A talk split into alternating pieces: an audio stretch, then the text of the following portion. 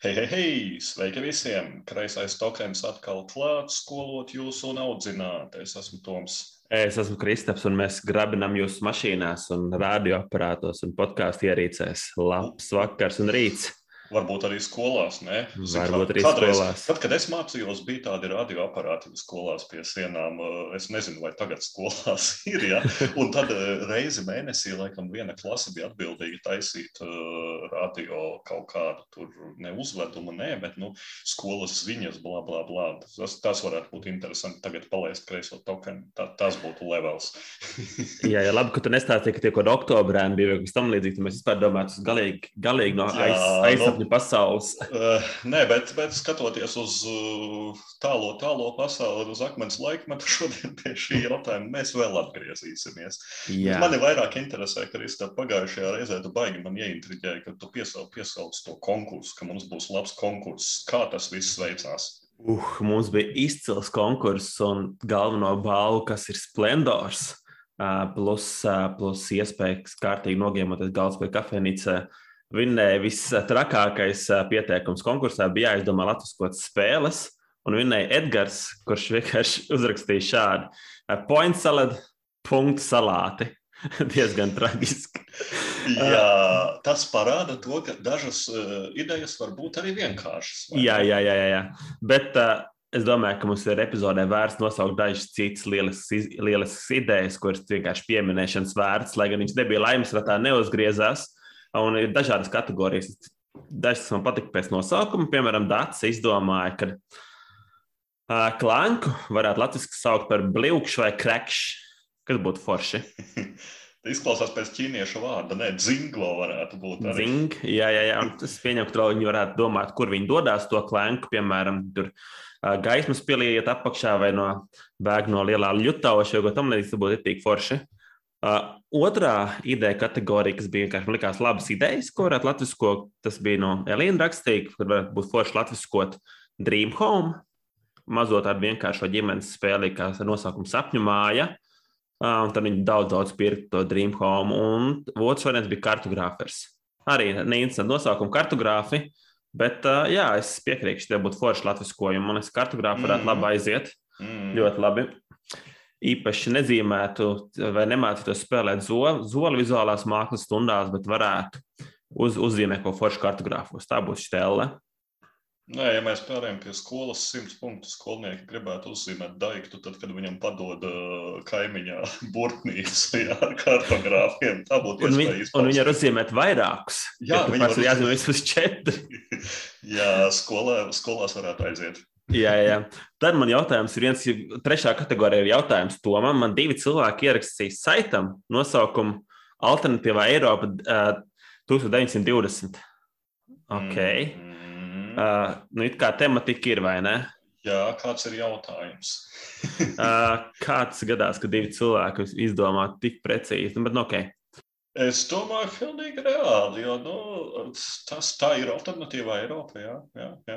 19, 20, jā, es piekrītu, vai not. Jā. Un vēl jau vairāk, Jā. ja tu paskaties, ka viens jau to ir ierakstījis un tu atzīsti, ka tā ir super laba ideja, tu nevis ieliec īkšķīt, bet ieraksti pats vēlreiz. Jā. Arī normāli. Un tad divi no kolēģiem īpaši pacientas, pacientas sauksim viņus par vācieti un ziedoni, jeb kalvi un gati. Un Kalvim bija ļoti labas idejas, ka no rokoko mēs atskot kā skrodardienas rundālē, un ar domu, ka mēs tā, ejam uz to pavisam citu stilu, mēs skatāmies rastrelli un tā tālāk, un tur vēl papildus ir menceļa ilustrācijas iekšā, diezgan, diezgan solīdi. Un man ļoti patīk, otrs viņa kalju variants ir kartupeļu talka, kur viņš ir, es neesmu gan spēlējis vēl, ir latviskojas juicy fruits, Mm. un Es arī neesmu. Un tajā vietā, ka viņi meklē dažādas dārgumus, viņi lasa dažādas kartupeļus. Viņš žviks, grozā ir Laura, iebirst pēc tam kastē pilna ar vinetām un tā tālāk. Tur viss viņi ved uz uh, ādas čipsiem, lidiņiem, Zini, kā man ir maķīt un viss notiek. Ļoti nelaba aizdoma, ka tā spēlē negūtu piekrišanu starptautisku apskatnieku vidū sava izskata dēļ, jo es pilnīgi iztēlojos tādu brūni pelēku kartupeļu spēli ja, ar, ar, ar dubļiem un, un, un ar cilvēkiem gumijas zābakos un, un Belarus traktori. nu, es nezinu, varētu būt arī. Es domāju, ka Simoni Lučiani atnāca tieši tādu piču, nesot Newtonu, un dizaineri izdomāja, uzliksim tur nevis brūnu, bet zaļo ābolu virsū, un tā, tā radās Newtons. Nu, diezgan nu, bieži tas droši. neglāba. tas baigi neglāba, tas zaļais ābols. Viņš tikai ievilina nevainīgus uh, tādus kā mani tīklā, liekot domāt, ka tā spēle ir kaut cik koša vai interesanta. Nē. Jā, jā, jā. Un Gats, un man ļoti patika, ka Gat, Gatam bija foršas idejas par uh, Hansa Teutonika. Un viņš nu, saka, nu, ok, būsim labāk Hansa Livonija. Mhm. Un viņš jau viņam bija milzīgs sāpes, to, ka nu, Hansa ir Anglijas karte, vispār bez tēmas, vai ne, bet nav Rīgas iekšā. Tas ir jālabo. Lai gan man liekas, tur bija Rīga. Es neatceros, Es neesmu spēlējis. pats. spēlējis, bet Anglijai tur nav jābūt točam. Anglijā nav jābūt. Man liekas, tur kaut kādā augšējā stūrītī, tur pie augšņas jau bija Rīga, bet es neatceros arī. Un otrs variants bija, kas arī vairākiem cilvēkiem parādījās, tur bija, kad ir jālatvisko sagrada, kā Rīgas domas, un vitrājuši mēs liekam kaut kāds spilgts notikums, uh, piemēram, piemēram, lielos divkāršajos Baltijas ceļus vai pikets un tā tālāk. otrā varētu iztikt. Jā, jā, jā, jā. Un nu, bērniem ir vēl viņam ieteikti Vik- Vikings, kas sauktos kā kuršu leja. Es ne, nezinu, kas ir of Vikings, nepaskatījos. Bet nu, Mm. kaut kas bērniem. Un ideja tāda, viņš, man, viņš pat latviskoja mūsu, nevis kreisais tokens, bet kreisais žetons. Un ideja, Es ka mēs. ka žetons arī ir latviešu patiesībā. Jā, tas, tas varētu būt tāds Bet, nu, Ah. ok, okay jā, jā. nu, kreisais dālderis, vai ne? Lūk, Ah. lūk. Lūk, un tad nu, viņš varētu, ka mēs varētu latviskot arī džaipūru un izdot versiju kā mītava, kas būtu rītīgi forši. Un kā alus cienītājiem, vitikultūra varētu izdot kā humulu kultūru. Tas varētu būt labs variants. Un, uh, jā, jā, ļoti forši lokalizēt. Tā kā, wow, man bija liels prieks. Cilvēki bija konkursā, tiešām daudz spridzināja, labas idejas bija. Un, uh, viens no mūsu tokeru veiksmīgākajiem konkursiem. Tā kā paldies visiem, paldies arī sponsoriem. Bija, bija rītīgi forši. Un Faceīt ir par palicītās idejas, ir ļoti interesants. Mm -hmm. Noteikti var iet Facebookā vēl papētīt. Bija, bija, mm. -hmm. bija tā vērts, bija, bija, bija foršs pasākums, es domāju, bet vēl foršāks pasākums. Mums viennozīmīgi, kā parasti, ir uh, svaigs un gards, jeb tas, ko mēs esam spēlējuši. Un uh, O, jā. pēdējā laikā uh, pie svaigajiem un gardajiem uh, man iekrita tāda spēle, kas man figurēja vienā no pašiem, pašiem pirmajiem topiem. Man liekas, ka Kristīna saka, nē, bija trešā, trešā epizode, vai ne? Un, un vai nu godājumos pieminekļos, vai, vai, vai pašā topā man bija tāda spēle kā Adrenaline. Mm -hmm. Un, uh, nē, es joprojām to nespēlēju ar Kristīnu. tā, tā, tā, kā tas nav piepildījies. Bet kas ir piepildījies uh, labā kompānijā, izspēlēt uh, šo eiro spēli? Un eh, kas tad ir adrenalīna? Adrenalīna ir dažus gadus vecā check games izdota um, versija par first person shooter video spēlēm. Uh, Tiem, kas zina, jā, tā tad kveika un reāli veidīgie, jā, tiem, kas nezina, spēle, kur tu skraidi, maini ieročus un šauj pa visu, kas kustas. Uh, Ne tas, uh, kas, kas, kas šobrīd, kur notiek kibersporti un, un, un Counter-Strike, kur uh, lielāko daļu laika tu sēdēsi stūra un gaidi kaut ko, jā, bet nē, nē, tāda, kur tu reāli tes un bliez un maini ieročus un nomirsti un atdzimsti un uh, atkal skrien tālāk. Eh, Vai šī spēle šo tēmu piepilda? Eh, Ziniet, es teiktu, ka jā. Šī spēle rada to iespaidu. Pirmkārt, šī spēle rada iespaidu tādā veidā, ka ir eh, košas krāsas, i- ir spēlētājiem miniatūru figūriņas eh, un ir izdomāti ļoti interesanti tematiski ieroči, piemēram, elektriskā izskapts, jā, vai, protams, visiem labi pazīstamais raķešu metējs, kurš vienmēr šādās spēlēs ir, jā, vai eh, railguns, kveika fani sapratīs, jā, ar kuru tu vari izšaut savus sienām vienā taisnā līnijā, jā, un tā tālāk. Viennozīmīgi arī, kas ir palīdz tēmai, kā vienmēr ir Check Games foršā noteikumu grāmata. Par to, vai noteikumi ir izstāstīti labi vai slikti, tas ir cits jautājums, bet noteikti tāpat kā visos citos Games, noteikumi ir smieklīgi. Noteikumos ir ļoti daudz foršu lietu un, un, un, un, un tādas, kas tur mierīgi varētu nebūt, un noteikumu grāmatu ir tāpat kā Dungeon pētījiem, jā, jā, palasīties vai lāst lielam, ja, pa, pilnīgi kā literatūru var. Bet jā, kā tad adrenalīna funkcionē? No tā visa, ko es stāstīju, spēles nezinātāji varētu teikt, nu tāds kārtīgs amerikrāšs, ja skraidām, mētājam kauliņus, vēl kaut ko. Un nē, pigajums tā nav. Ir pilnīgi savādāk. Adrenalīna ir tāds ļoti interesanta veida eiro. Un tāds eiro nu, uz vienu no agresīvajiem mehānismiem, gan kas ir area patrol, teritorija kontrole. Ja? Kā es saku par adrenalīnu, parasti atšķirība no citām teritorijas kontrolas spēlēm, kā tur vecie El Grande vai, vai, vai kaut vai tie paši Kraihavoki un tā tālāk. Ja. Šeit atšķirība ir tā, ka šī teritorija, ko tu mēģini kontrolēt, skraida un šauj tev pretī. Jo, jo, jo teritorijas, kuras spēlētāji kontrolē, ir viņi paši. Un, un, un, Kā tas funkcionē? Tas funkcionē tā, ka Kristaps spēlē, piemēram, es spēlēju un spēlēju, nezinu, piemēram, abstrakts jūris. Ja. Un mēs visi viens pa otru šaujam un mēs krājam. First person shooteros ir tās termins fragijā. Nu, fragus dod par nošaušanu. Šajā gadījumā mēs krājam trāpījumus uz pretinieka. Tātad, ja es Kristapam iešauju vienreiz, es uzlieku uz viņa vienu trāpījumu. Ja? Es iešauju Jurim trīs reizes, uzlieku uz viņa trīs trāpījumus. Un katram spēlētājam ir uh, kaut kāds daudzums dzīvību, pieņemsim, tur desmit. Ja? Un tā mēs skaidām, skaidām, skaidām un krājam šos trāpījumus uz pretiniekiem. Un kādā brīdī šis trāpījumu limits ir tāds, lai pretiniekam konkrētā dzīvība beigtos, un tad skaita, kuram ir vairākums, kurš visvairāk viņam ir trāpījis. Un tad, attiecīgi, tas arī dabū punktus. Tādā veidā e, notiek punktu skaitīšana. E, ir piedomāts par foršām, tiešām e, video spēlēm raksturīgām niansēm, piemēram, First Blood, jeb papildus punktu dabūt tas, kurš ir kādam iešāvis pirmais. Jā. Tad ir tā saucamais killshots, jeb tas, kurš ir izdarījis pēdējo šāvienu, tam ir liela priekšrocība. Un, kas ir visinteresantāk, tu vari vēl uztaisīt paņirgāšanos, ja over, overkill, ja tu, ja tu e, sašauji vairāk e, nekā ir vajadzīgs, lai, lai, lai pretinieks būtu pagalam, ja, tad, tad tu uztaisi overkill, arī no tā tev ir labums, bet tajā pašā laikā pretinieks turpmāk tevi atcerēsies. Viņš tevi iegaumē uh, un ne vienkārši galvā, bet arī ar spēles līdzekļiem nodrošinās tas, ka viņš tevi atcerēsies ar ļaunu. Un viņam būs vairāk intereses uh, nošmiegt tevi pēc tam. Izklausās agresīvi, izklausās diezgan agresīvi, bet joks ir tāds, ka patiesībā tas galīgi tā nav. Jo pēc tam, kad uh, tevi novāc, tu no tā nezaudē neko. Tu nezaudē pats savus ieročus, neko tu nezaudē. Vienkārši visi citi saskata savus punktus, un tu atzīsti. Bieži vien labākā vietā, kā tajā, kur tevi nomāca. Uzreiz ar pieeju jauniem ieročiem un tā. Tu atzīsti, un e, tu kļūsti nevērtīgāks. E, par tevi dod mazāk punktus. Respektīvi, nav tā, ka notiek e, gang, gang, gangošana uz kādu konkrētu spēlētāju.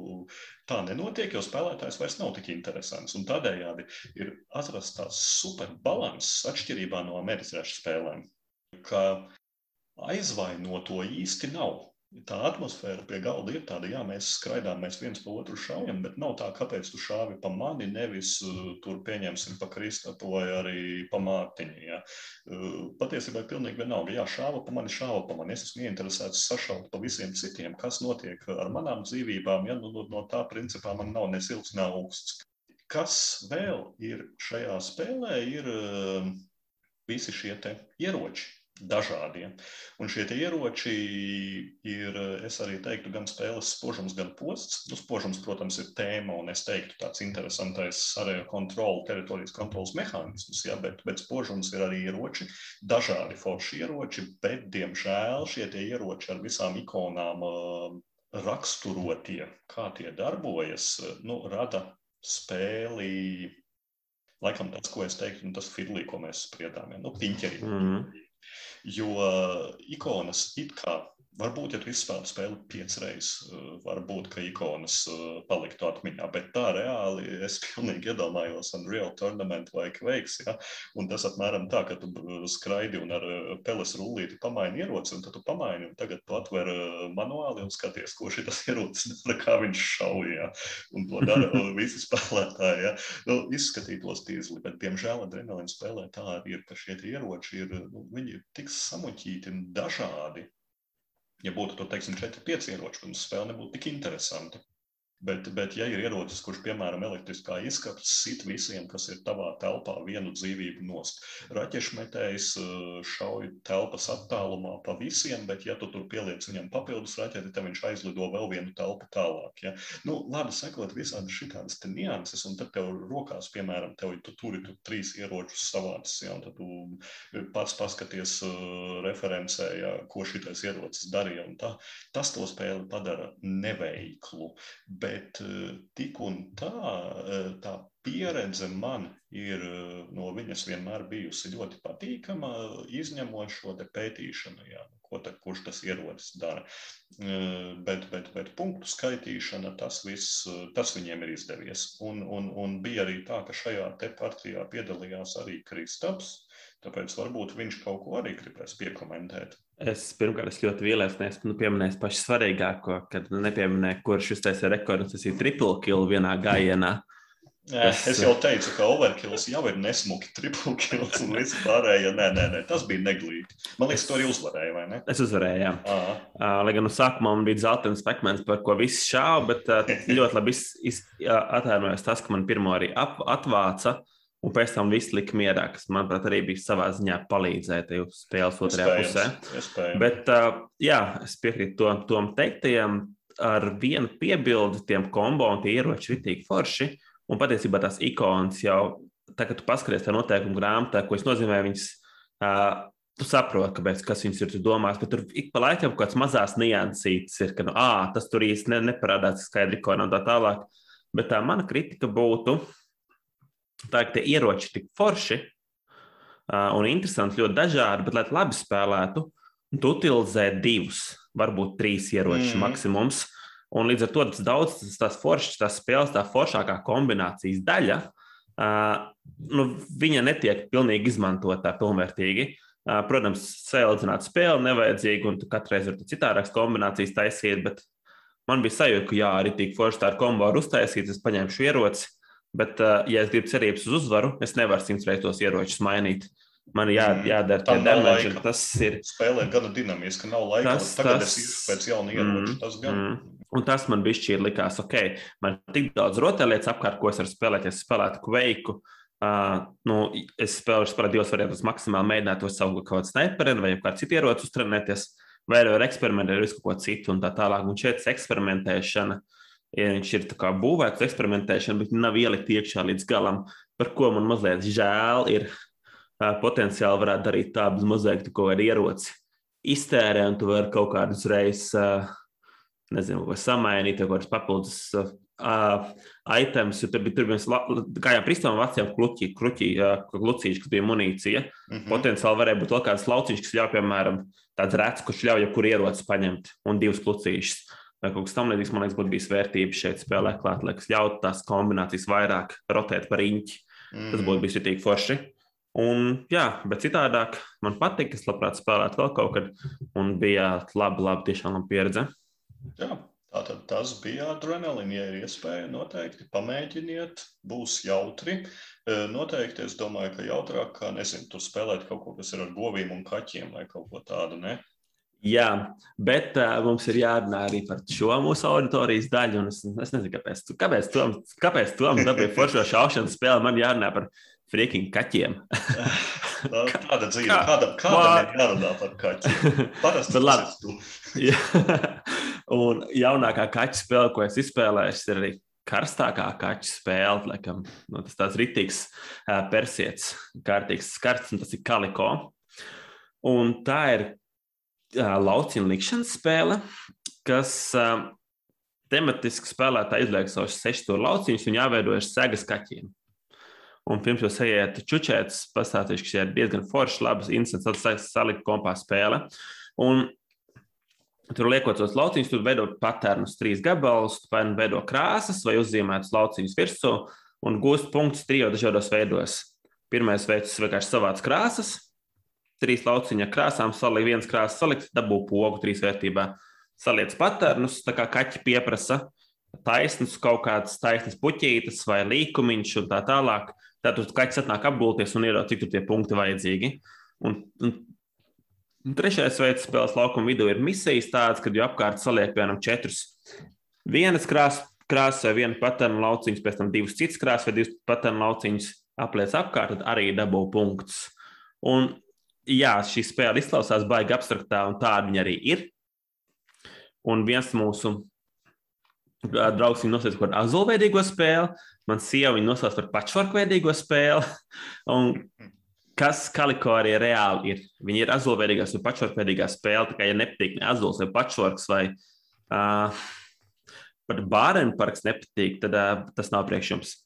Bet uh, šī spēle simbolizē, manuprāt, ļoti labi mūsdienu modernās spēļu tendences, kad abstrakts gabals ir ietērps tik krāšņi un uzražots tik kvalitatīvi, Un viņš saliks no ļoti ērtiem divu slāņu laukumiem ar lieliem izturīgiem kartonu laukumiem, kur ir patīkami būvēt, patīkami spēlēt un patīkami menedžēt pie tam. Tas, tas kas ar azulu vai ne? Ka tie, jā, tie, jā, jā, kauliņi vien ir tik forši un, un sagradas kauliņi arī. Tas viss ir uztaisīts, padarīts reāli pievilcīgs uz tausti un uz aci. Tieši tā, te, te ir pilnīgi tas pats, un kastes izmērs ir ļoti ērts. Tas nav vienīgi varētu spēlēt azulu izmēru kastē, bet uh, viņš ir ērts, maza kastīte, kas piebāzts pilni ar tiem lauciņiem, pilni ar kaķiem. Tur ir kaudzēm kaķis, starp citu.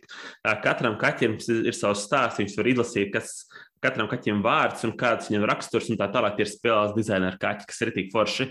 Un viņi tur izgulušies visās nepiedienīgākās pozās. Tur es domāju, ka kam sutras pētot pētniekiem tur būtu ko pamācīties, kā viņi tie kaķi tur izlīduši. Nezinu, ir kaķu kamas. Viņi darbojas. es domāju, ka, ka viņiem tas viss ļoti vienveidīgs pasākums. Ir. Uh, jā, bet vai pati spēle un mehānisms veids kaut kas īpašs? Es teiktu, ka nē, noteikti nē. Un es pat būtu tik, tik kritisks, domāju, ka pēc kādiem diviem tā nonākt diezgan lielās um, aizmirstības annālēs. Lai gan viņi ļoti skars šobrīd, un viņai ir ļoti daudz pozitīvu vērtējumu no apskatniekiem, es domāju, ka viņai ir tā, ir tā problēma, ka viņa nav nekas pārāk īpašs, bet neskatoties to, Kaliko diezgan droši paliks manā kolekcijā. Un ir divi galvenie iemesli, kas man arī patikās. Un man ļoti patīk ierobežojuši aspekti. Protams. Un, un Kaliko Es atceros uh, vienu Karksonas spēli. Es piedalījos vienā Karksonas turnīrā, kur mēs gājām, slikām uz galdiņa. Un tā Karksonas turnīrs bija uz laiku, un es spēlēju pret kādu meiteni. Viņa sanāca tā, ka viņa gribēja ērti nolikt pili jau kartu laukuma malā. Vienkārši Karksonas malā. Tas, ko viņi darīja, viņi divas minūtes visu karti pabīdīja 5 centimetrus laukuma vidu, lai ieliktu to pili. Un man likās tik lēmi, tik neiedzīgs pasākums, um, ka kaliko tas to forši risina, jo tas uh, laukums, kur būvēs segu, viņš ir ierobežots no ārpuses, un tu, viņš paliek ar vien šaurāks, šaurāks, šaurāks, šaurāks. Un tu zini, ko tev vajag, tu zini, kā tev misija tev vajag, tu zini, apmēram, kas tev tur vajadzīgs, un skaties, ir kopējais tirdziņš, no kur, no kur tu vari paņemt savu plāksnīti, lauciņu. Tev rokās ir divi lauciņi, tirdziņā ir trīs lauciņi, tu ieliec savēju un skaties, vai tur kaut kas ir palicis, kas, kas ir menedžējams iekšā. Un tad tas iespējas paliek vien mazāk. Viņš sašaurinās, tāda cilpa apkārt tev, un tad tev jāspēj tam plānam beigās pielāgoties un mēģināt izmanģēties, un man tā sajūta baigi patikās. Tas bija tik forši.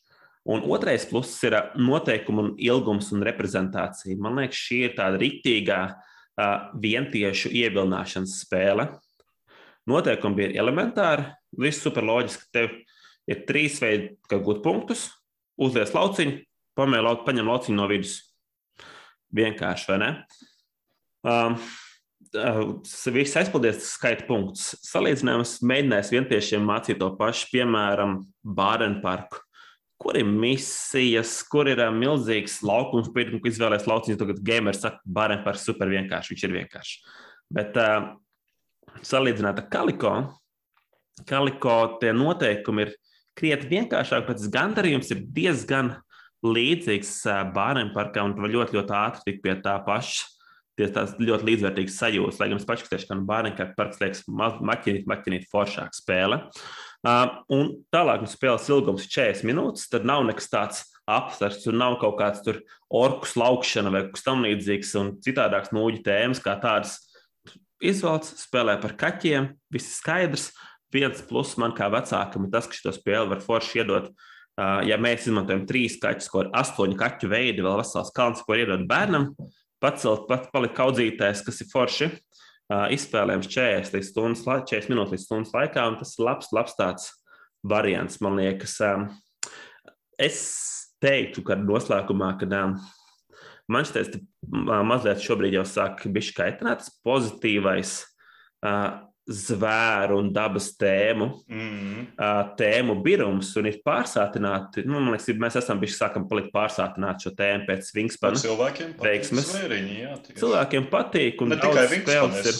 teiktu arī Everdels viennozīmīgi ietekmē. Jā, jā, noteikti, noteikti, noteikti. Tagad ir līdzīgi kaskādī un vēl vis kaut kāda citādāka zvēru spēles, vairs tik daudz neizsakoja. Medaus tagad ir baigas. Medaus un tā tālāk.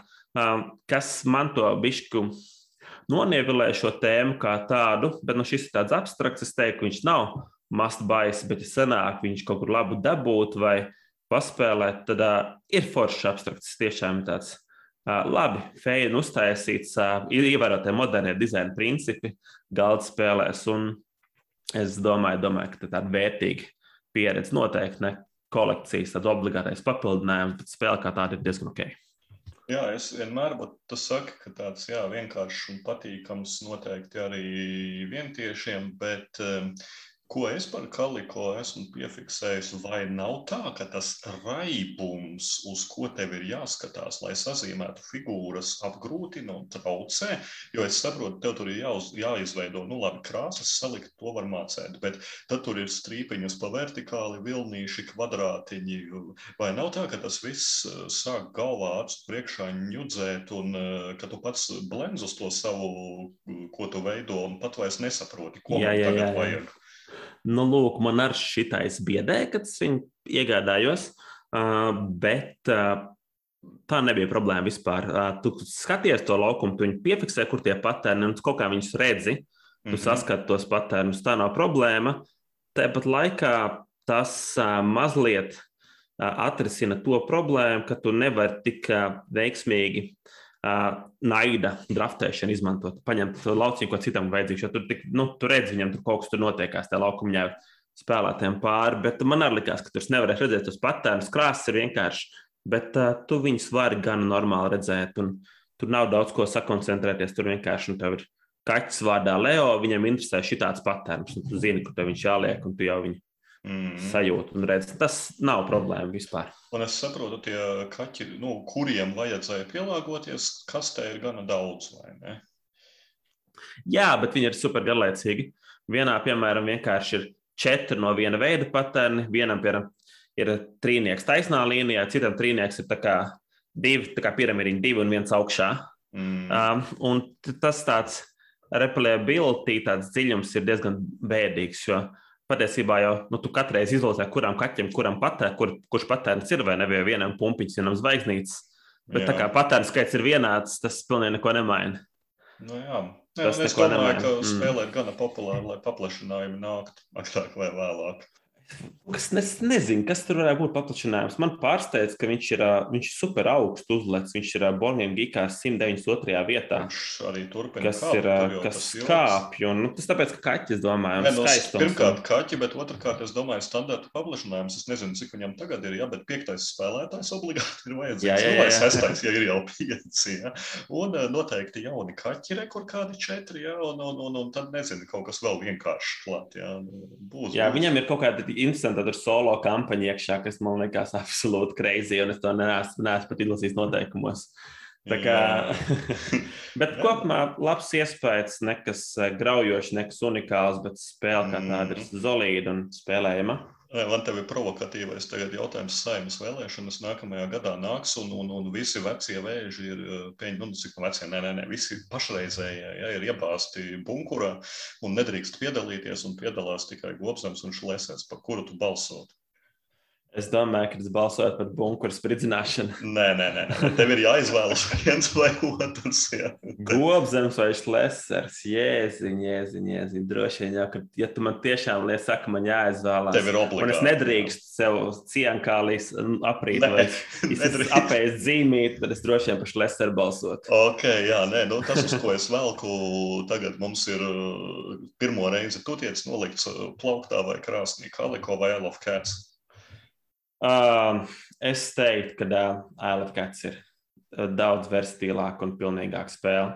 Nu, re. Kā tā kolekcijā tomēr kaliko, bet patiesībā galvā viņa ir krāsnī. jā, jā, jā. jā.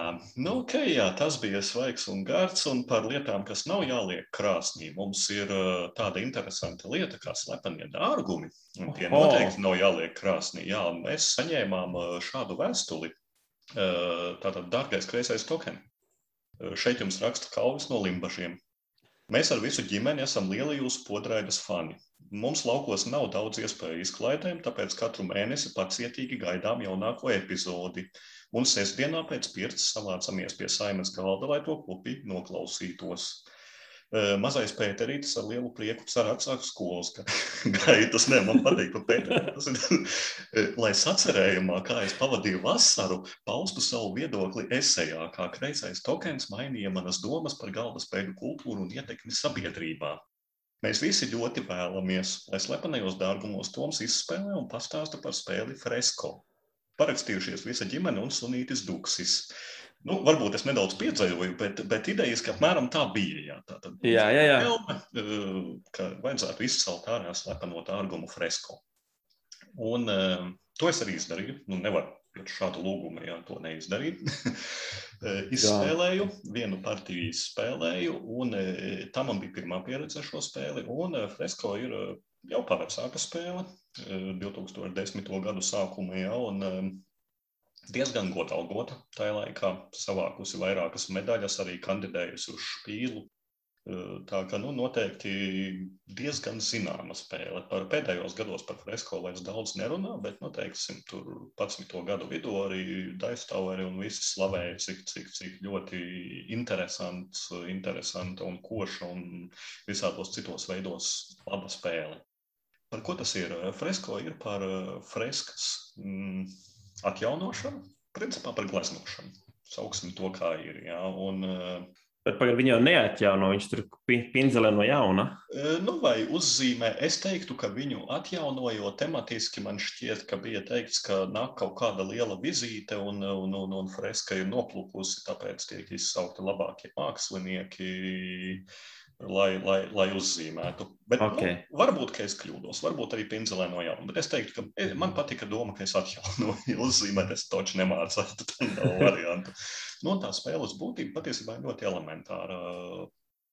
Jūs pārstāvat māksliniekus, kuriem ir daudz mācekļu. Mēs sūtām mācekļus uz tirgu, lai viņi nopērk krāsas.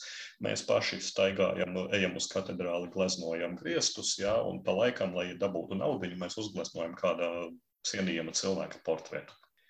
Kas ir eh, varbūt problēma? Eh, es jau arī iepriekšējā reizē, kad es stāstīju par Kingsburgu, iespējams, ka arī fresko tāpat sirgst ar eh, spēļu vecuma problēmu, jeb ar to, ka mēs esam nenormāli izlutināti pēdējā laikā ar komplicētākām lietām.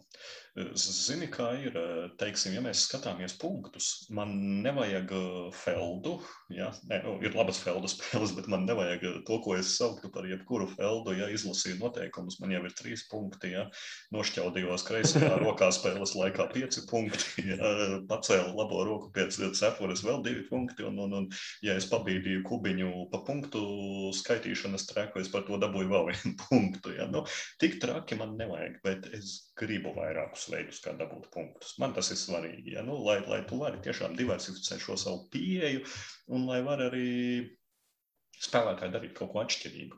Fresko tas mīnus ir tas, ka punktus dabū vienā veidā par šo freskas gleznošanu. Jā, tu vari atjaunot altāri, bet tas notiek turpat principā tajā pašā vietā. Un, un, un, un tas, nu, bet loģiski, ka ir uzdevums uzdevums fresku, tu ķim, nu, uzdevums fresku ķimerēs ap altāru, tad neviens tā kāds punkts tu nedos ne, nu, Itālijā. Dod, dod, bet baigi mās, jā, jā, jā. Nu, un, un, un, un visi punkti ir vienā vietā. Kas tad tiem punktiem ir apkārt? Ja šī krāsu pirkšana, jā, labi, tev ir nauda, tu ej uz tirgu, tu nopērci krāsas. Tu nenopērci tās krāsas, ko tev vajag.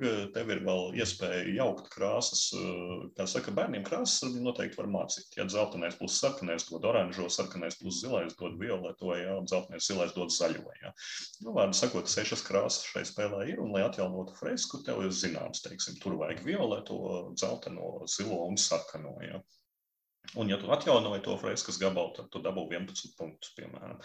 Un šādā veidā tā punktu iegūšana ir eh, tik vienkārša, ka kaut kas pietrūkst. Un es pilnīgi redzu, jā, pirms desmit gadiem tas varēja likties no nu, super fine. Jā. Šobrīd, eh, pat, pat ja nebūtu felts ar 200 eh, spējām katrā spēlē iegūt punktus, arī tad eiro spēlēs tomēr ir šī dažādība. Bet Bet, bet, bet viena no galvenajām lietām, par ko visi ir super sajūsmā par fresko, ir šis te mošanās uh, treks. Jo ideja ir tāda, ka viena no tām, par ko vienmēr fresko slavē, ir tas, ka, ja tu celsies no rīta agri, tad uh, tu pirmais tiksi visās vietās, aiziesi pirmais uz tirgu, nopirksi labākās krāsas, pirmais zīmēsi to fresku, ja, bet toties tev bojāsies garastāvoklis. Uh, Un eh, tev būs par visu jāmaksā dārgāk. Jo, protams, ka krāsu veči, viņi tur atbraukuši piecos no rīta uz tirgu, viņi vēl neko nav pārdevuši. Viņi riktīgi grib noplūkt no visiem deviņas ādas. Ja.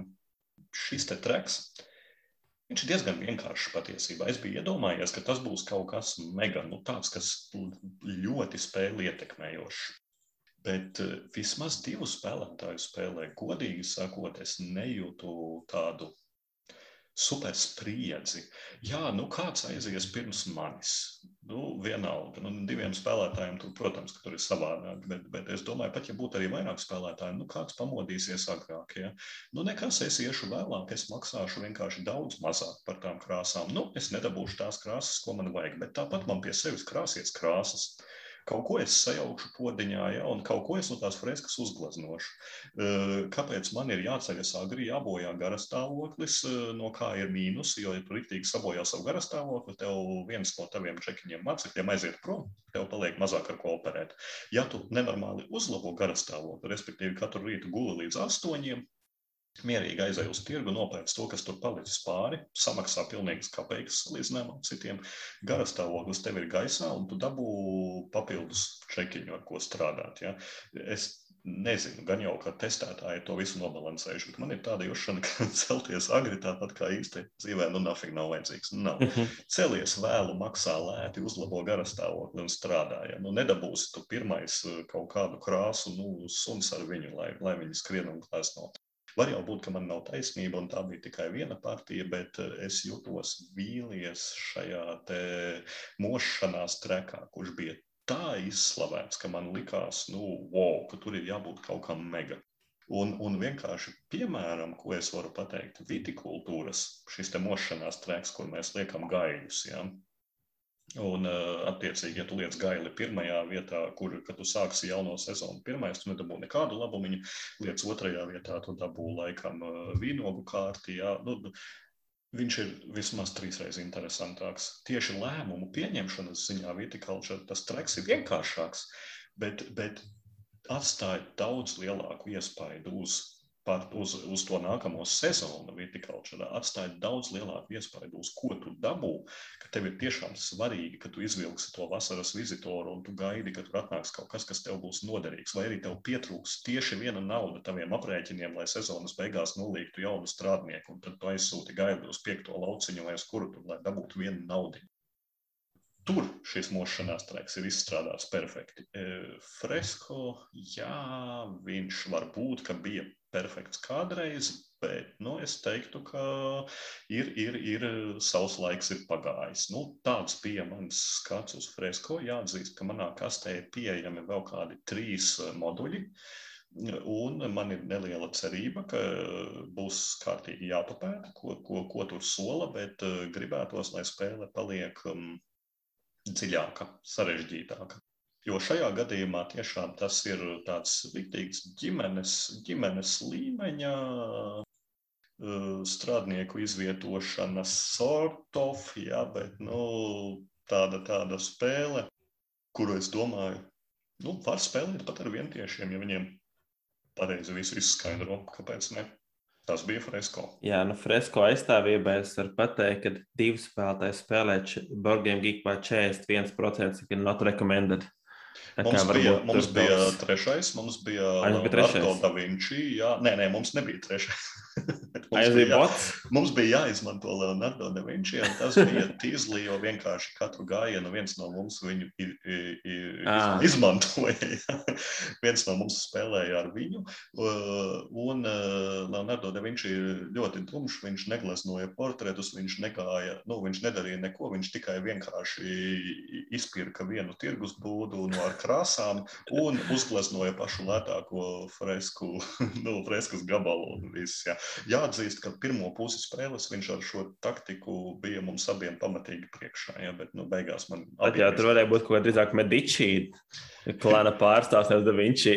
jā, nu, nu, tā, tā. Nu, man vizuāli es neesmu spēlējis, un es pirms gadiem epizodēs arī nepaskatījos kādu apskatus. Uh, sen, sen atpakaļ esmu redzējis, bet skatoties tās bildes un attēlus, man tas uh, viss vizuālais tēls liekas tāds bišķi no pagātnes dienām. Tas ir no pagātnes dienām, bet ļoti izskata ziņā ir krāšņi tiešām krāšņi. Man patīk tas, kas ir izdarīts ar, eh, no mākslas puses. Arī pati šī freska, kura tiek gleznota ņemot nost šos tailiņus, ja, un atklājas detaļas. Teiksim, tur ir uzzīmēta ievas pakaļa, ja, vai, vai, vai dieva roka, ja, vai, vai ābele. Ja, un, un tā pamazām šī freskas veidošana eh, no vizuālā, es piekrītu, ka varbūt viņam eh, nav moderna tieši pasnieguma veidā, bet spēlē krāšņa un skaista, kad piesaista. piesaista. Vai kādam no tiem modeļiem ir kaut kāda cita freska pieejama, piemēram, kas ir kaut kādas papildus lietas? Tas būtu tik forši, cik tu reizes krāso to vienu to pašu fresku. Jā, bet kā kaut kas samaitāji. Kaut kas modeļos ir, ka pie freskas karājas kaut kādi bīskapa dārgi, un, respektīvi, randomā es iedomājos pie griestiem karājas maisiņš, jā, ar olām, ne, Faberžē olām vai kaut ko, jā. Un tad uzglazno un pēkšņi paņem nost maisiņu un skaties, opā, man ir tāds un tāds labums no bīskapa. Bet es nezinu, es, es tikai, es uzmetu acis tikai nosaukumi šiem moduļiem, ja tur bija šops trežeri vai kaut kas. Vārdu sakot, eh, būs, būs, būs vēl ko apgūt. Es noteikti viņu ar prieku spēlēšu vēl, un, un ar prieku yeah. pamēģināšu pie vairāk spēlētājiem, bet, bet, bet nu, noteikti tas nav, eh, ka es slepenajos dārgumos būtu atradis eh, Atlantīdu vai no Titanika flīģeliem. Nu, tā nav. Jā, jā. Nu, man, nu, mans liels pluss par foršu tēmu, renesants Itālija, mm. freskas glaznošana ir ir lieta, ko ir vērts palasīt, paskatīties. Tur arī kaut kāds referents ir uz citiem cilvēkiem, nevis tikai uz Leonardo. Tā īsti nē, nebija. Jo es redzu, tur vienkārši ir bildīts, tad tur kaut kāds mākslinieks ir. Vismaz Aha. ne tieši, ne noteikumos un nespēlē. Mm. Nu, žēl, žēl. Labi, bet nu, labs dārgums, kas atrasts. Labs dārgums, kas atrasts, bet, bet vislabākos dārgumus varētu atrast, eh, vai arī nevarētu eit uz sazini, bet vislabākos dārgumus var atrast no paleolīta, neolīta un visādiem citiem lītiem, jeb akmens laikmetiem. Un mēs no pašiem, pašiem pirmsākumiem podrainas esam izcēluši akmens laikmetu vēsturi, jo Kristaps atkal grib pastāstīt kaut ko no pagātnes, un psihologi oh, klausītāji ir gatavi uzņemt tavu skarbo stāstu. O, oh, jā, es gribu pastāstīt par savām pēdējām pieredzēm, kad es spēlēju pēdējo reizi Richraču un Monopolu. Un kāpēc tas bija pēdējās reizes? Sāksim ar vienkāršo Richraču. Uh, mums bija Tā, mēs dzīvojām tajā laikā vēl Dobelē ar sievu. Mums bija, protams, draugi arī kā tādi. Mēs arī mums bija. Viss jau izklausās aizdomīgi. Tas jau izklausās tam neticētu. nu, Dzīvojot Dobelē bija draugi. Tas divas nesavienojams lietas, vai ne? uh, un mēs rīkojāmies savu spēļu vakaru, un tad tajā laikā mums tā, mums, mums tajā laikā tā kārtākā spēle bija Eclipse, ko mēs spēlējām, bet, nu, mēs draugiem sapratām, ka tā nevaram dot. Mums kaut kur bija kaut kāds desmit spēles tur sākumā, jo tās normāls, un tad mēs uzaicināju viņu tagad spēlēs. Un Kristaps kā savā stilā pičoja stāstu, tā bāgo tik forša spēle, ka tur brauc un atklāja dārgums un visu kaut ko var izrakt. Un tad es uh, pičoju power gridu, kas, uh, kas jau skan aizdomīgi. Kad tur būvēs elektriskās ķēdes un tā tālāk, tad pičoju Stone Age, kur tur ejam tā tālāk, un tur saliek tās trīs spēles. Kā parasti, nu, kā, ziniet, jūs ziniet spēlētā, ka jāpašas spēles, tu atnes kastītes, izliec visus un tad saka, ko spēlēsim. Tad divi ciemiņi skatās, skatās, domā, Un tad viens no viņiem paskatās plaukt un ierauga, oh, reku, reku, ričurač. Un otrs arī saka, jā, laižam ričurač. Pirmā mēs... kļūda visiem ir neturiet plauktā ričurač. Jā, nevajag. Tad, kad atnāk ciemiņi, jo, nu. Vien tieši nevajag viņus ričurač un cirku paņemt. Tad mēs arī izspēlējām to ričurač un bija Uh, gan, nu, bija pliekani. Es reāli Nevar jutos, būt. Nevar būt. es jutos super skumji par to. Un nākošajā dienā es riču raču ainas vienkārši sarkano krustu. Vienkārši nu, labi, ka vēl, labi, ka vēl tu kaut kur viņu aiznesi. Paņēma ainas, ainas sarkano krustu un sapratu, ka tu nevari turēt uh, savam, savam nemesim blakus riču raču, tad tas vienkārši salauž ne, sirdi. vēl tev nebija par laimi. jā, jā. Nemesis uh, iespējams viņam varētu turēt blakus riču raču. Es vēl padomātu, ko varētu uzkapāt. Nē, nu, nē, labi, labi, nemesis absolūti, absolūti lieliski. Uh, pēc tam vēl pāris gadus rulējot atpakaļ, kamēr mēs vēl dzīvojām Ventspēlī, bija pēdējā reize, kad spēlējām Monopolu. Tad mums vēl mums Ventspēlī mēs sākām ar um, mums bija ļoti forši arī to powergrid laika. Mēs vakarā pēc studijām spēlējām powergrid un apmēram sākām um, ap sešiem un bija jāizspēlē divas partijas. Mēs parasti spēlējām vienu un vēlreiz, lai tā, lai tiek atpakaļ līdz 12 pie komendants. Mēs jau tad dzīvojām atsevišķā mājā un tā tālāk. Bet, uh, uh, mums bija arī tāds interesants, ka mums bija uztaisījuši vienu biznesu ar draugiem. Mēs bijām biznesa inkubatorā, un biznesa inkubatorā bija forši, ka mēs tikām pie tās konferenču zālītes Un viena vakarā domāju, ka jāspēlē kaut kāda galda spēles. Un, protams, ka tur galda spēle guru teica, ka es paņemšu labāko spēli, ever, un tā tālāk mēs ar visu aizrautīgi, un viņš nāk un atnes savu monopolu, kas jau ir diezgan traģiski. Bet, labi, Bet tas ir laikā... dīvaini, vai tad valsts studēja Ventspilī? valsts nestudēja Ventspilī. ah, ok, tas nebija valsts, jā. nu, nevar zināt, kas kā viņš jaun, jaunībā izskatījās, ko tu zini. Nu, jā, es visu, es visu te atceros. Es, no šī monopola vakara daudz elementus izgriezt no savas atmiņas. Bet uh, reāli mēs tur atnesām monopolu, un labi, tajā brīdī, tajā laikā laikā vēl monopols, nu, fine, var uzspēlēt monopolu. Tad mēs izlikām te konferences zālē. Un, protams, kā jau monopols, viņš gāja nenormāli ilgi. Un tā problēma sākās ar to, ka tur vienā brīdī ievandījās apkopēja un teica, mums jātīra zāliet, un tad jūs tad drīz beigsiet. Nu, mēs jau, protams, sakām, nu jā, jā, drīz jau tur kādam jau tur pirmā viesnīca uzbūvēta un tā tālāk. Hm pēc divām stundām apmēram apkopēji nāk. Iekšā viņa ir absolūti klusumā un sāk šrubīt to grīdu. Vienkārši nevienam neko nerunā. Bet nu, mums bija jāpabeidz, un mēs izspēlējām. Paldies Dievam, kāds vinnēja. Pēc tam gan mēs dabūjām mazu aizrādījumu par to, ka, sorry, sorry, Džek, jūs tur ir tās telpas, ko jūs varat izmantot priekš biznesa tikšanās reizēm, bet visu nakti viņi nevar nobukot un tā tālāk. Uh, Bet uh, jā, tā bija absolūti arī pēdējā reize, kad es monopolu, monopolu spēlēju. Un, paldies Dievam, tas nebija manējais. Es savu monopolu, man arī ir bijis bērnībā. Uh, es savu izmantoju priekš komponentiem, prototipiem un kaut ko spēlēties naudiņām un kādreiz stundās, kad skolā strādāju. Uh, un jā, jā, jā, tas ir pēdējā reize, un paldies Dievam, monopolu vairs neesmu spēlējis kopš tās reizes. Nē, nē, nē, nē, nē. nē. Nu jā, Mans pēdējais pieredze ar vienu tieši spēlēm. Vai to tu neatceries? Man liekas, ka mēs bijām kādi pieci vai seši. Daudz, daudz, daudz par daudz traki. Mm. Nē, man liekas, ir jā, slepena atzīšanās. Man ir nelabā izdoma, ka monopolu es spēlēju mūžā, neesmu vispār. Man ir laikam paveicies, jo bērnībā man. Tev bija... valsts trīs zvanīs pie durvīm, tā kā dzīvo. Jā, jā, jā, bērnībā man bija monopols, bet bija problēma pietrūka, man, man nebija komplektā mājiņas, vai nebija viesnīcas, vienalga, viens mm -hmm. no mhm. viņiem nebija. Ja? Un tā iemesla dēļ, nu, plus tas, ka man nebija draugu, ja? tas, tas ir tas ir galīgi, tas varbūt ir pastarpināti, bet pat ja man būtu ar ko spēlēt, ja, tā iemesla dēļ, ka man nebija mājiņa, Es eh, monopolu nekad nemēģināju pats spēlēt, un es iedomājos no mūsdienu galda spēļu spēlētāja eh, skatījuma, Kam on, paņem akmentiņus. Nu, vienalga. Vai ne? Nu, Izņem, paņem jebko, tur ir mašīnītes. Nu, pilnīgi jebko. Sīkais pedants ieslēdzies. Un, bija. un tieši tā, un sīkajam liekas, nu, man pietrūks detaļu šai spēlē. Viss spēle nav spēlējama vispār, jā. Uh, un, un tā arī man nostāvēja tas monopoli bez mājiņām, un, un, un tā arī es reizi neizspēlēju. Un tālāk dzīvē par laimi vai ne, par nelaimi, ja es ar monopolu saskarties neiznāca izņemot vienu reizi, kad es iekūlos pie kaut kādā tādām meitenēm, kas, protams, man liekas, tas, ah, nē, es nedrīkstu teikt, ka tas tikai meitenēm raksturīgs. Labi, tas daudziem noteikti raksturīgs.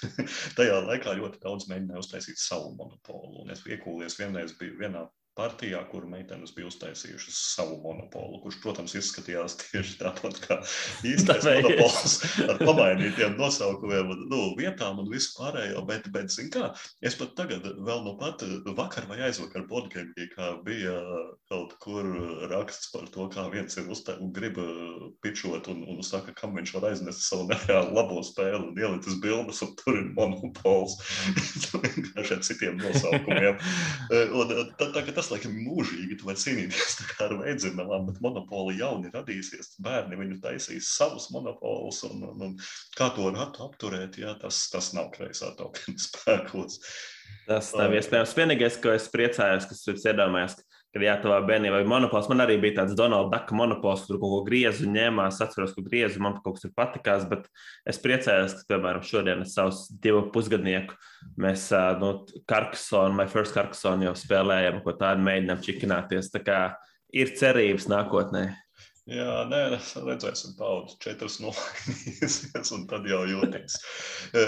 Jā, monopola ekspansiju apturēt mēs nevarēsim, bet iespējams kaut kas tiks apturēts šodien, un tas ir mm -hmm. mana milzīgā priekšrocība bezgalīgajā duelī, jo, nu, es esmu priekšā šobrīd, bet tas nekas, tas nekas. Kas ir bezgalīgais duels? Bezgalīgais duels ir uh, vieta, kur vienīgā vieta, kur mēs ar Kristofru varam tā pa īstam izmačoties un noskaidrot, kurš ir zinošāks par galda spēlēm. Un šodien Kristaps uzdos man uzminēt kādu spēli. Par katru jautājumu, ko es uzdošu, es dabūšu vienu punktu. Punkti ir slikti. Atšķirībā no adrenalina un kaliko droši vien punkti ir slikti. Jā. Pašlaik Man ir plus 30, tātad kamēr es zem 30 uh, uzminu, tikmēr es palikšu priekšā arī pēc šī mēneša Kristapam. Jā.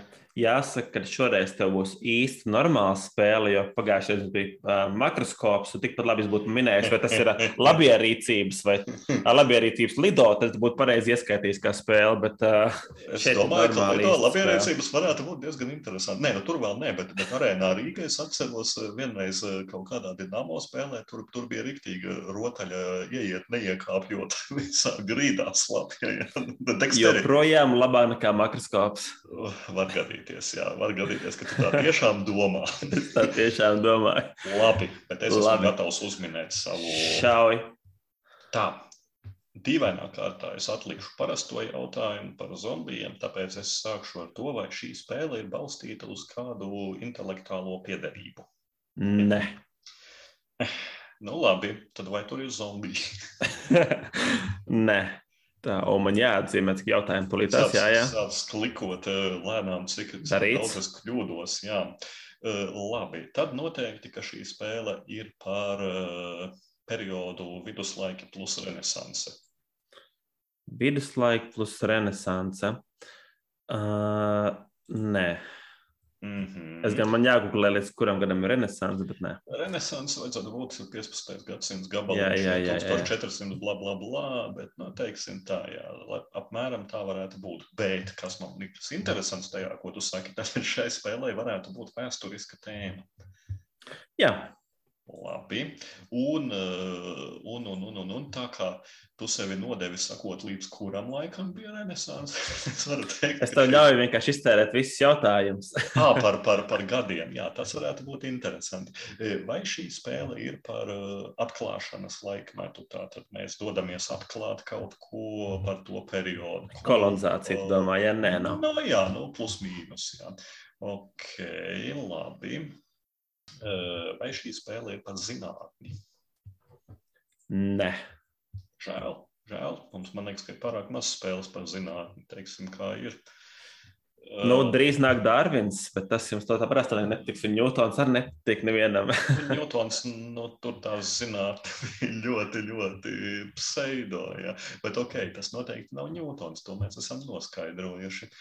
Labi, vai šajā spēlē ir kaut kāda sacensība? Nu, nevis, nevis vienkārši spēlētāji par punktiem, bet, piemēram, eh, Tesla versus Edison, es zinu, nav zinātne, bet Rouge nu, vai, vai, vai kaut kāda tāda tipa sacensība. prezentēta tēma? Es teikšu drīzāk, ka nē. Mm -hmm, mm -hmm. Uh, labi, uh, vai spēle ir par lauksaimniecību? Nē. Hm. Nu, labi, nu, labi. Nepatīk man šī tas viss, tāpēc pāriesim pie mehānismiem. Vai tā ir Aiziet. strādnieku izvietošana? Jā, Aha. Vai bet tā ir viena no mehānikām. Nu, jā, es tā arī domāju, ka tas varētu būt viens no droši vieni, bet nu, tas man neko nepalīdz. Es paliku kaut kādas 15,000 spēles, ko min- no kurām es lielu daļu nezinu. Gan. Tā tātad strādnieku izvietošana joprojām nezināmā laika periodā, bet es zinu, ka tā nav zinātnē. Es zinu, ka tas nav par atklāšanas kolonizācijas laikmetu. Es zinu, ka tie nav viduslaika, es zinu, ka tā nav renesance. Es zinu visu, kas tas nav. Ja. Jā. Es zinu, ka tur var izvietot strādniekus. Jā. Tas ir labi. E, Vai tas ir fantāzijas žanrs? Nē. Un tev ir desmitais, ir desmit Huh. jautājumi atnākuši. Lieliski. Un pirmais hints ir absolūti. Tā kā jau pirmais hints, tad Nu, klausieties Tūlīt uzmanīgi. redzēsim. Tūlīt redzēsim. Ā, Mums ar tevi tas ir, bet Latvijai nevisai. Aha, saprāt. Uh, ok, jā, mums ar tevi tas ir, bet Latvijai nevisai. Nu, tu nelielītos, ka mums var baigais budžets. es teiktu, ka tas būtu rīktīgi aizdomīgi, jo tur, tur par to varētu strīdēties. Attiecībā uz saprātu, jā, nu, tas varētu būt interesanti. Mums ar tevi, visdrīzāk, ka mums ar tevi varētu būt zināšanas par šo spēli, bet Latvijai īsti nav. Jā. Tas, tas ir arī interesanti. Hmm. Ok, labi. Vai, vai, vai šī spēle šobrīd ir populāra? Nu, un populāri interpretē, kā tu pats Absolūti nē. Nav. Ok, ļoti Tie- labi. Tad kaut kāds no pažobeles izvilkts makroskops. Jā, ok, nepopulāri. Vai šī spēle ir uh, 15. gads vai vecāka? Um, vai šī spēle ir vecāka? Jā, jā viņa ir vecāka. Nu, 15. vai, vai atpakaļ. Jā, Jā, jā, jā, jā, jā. Mhm.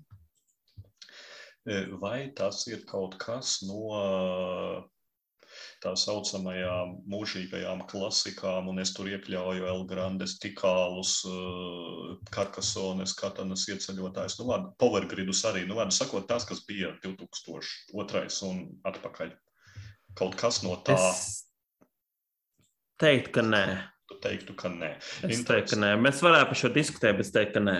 Kaut kāda bezjēdzība pa vidu varētu būt. Apmēram, jā. Ā, diezgan aizdomīgi. Un mums ar tevi kaut kas no tā ir. Uh, nē, nu ok, nu tad tur. tur, tur. Hmm, hmm, hmm. Powergrids tas nevar būt, jo mums ar tevi gan ir kaut kas no elektrības, bet Latvijai ir vēl vairāk kā mums. Ieskaitot visus esus un oiku, oiku pats galvenais. Jā. Um, vai šī spēle ir uh, nu, nekooperatīvs, respektīvi spēlētāji spēlē viens pret otru? Tieši tā. Jā, Ok, vecs, vecs, labs, vecs, labs mehānisms. Eh, nekāds muļķošanās. vai tur ir tirgošanās savā starpā? Uh, nē, Mm -hmm. Jā. Jā. Eh, Un, spēle nav populāra. Nu, ko tad tu man prasi? Nepopulāras spēles, domāju, klausītājiem arī rīktīgi interesē. es domāju, pēc taviem jautājumiem klausītājiem nav ne jausmas. Nu, nu, jā, bet, bet, bet, bet tad, tad nepopulāra spēle. Ja. E, labi, un, tā, un neviens no žanriem, ko es minēju, tas nebija pagaidām. E, labi, vai, vai tas ir abstrakts? Nu, tu zini, Absolūti nē. Tas jo- pilnīgi nav abstrakts. Jā, jā, jā. Nu, es neuzskatu, ka fotosintēze ir abstrakts. Jā, nu, attiecīgi tieši tā. Nē, nē, nē, nē, absolūti šitais ir-.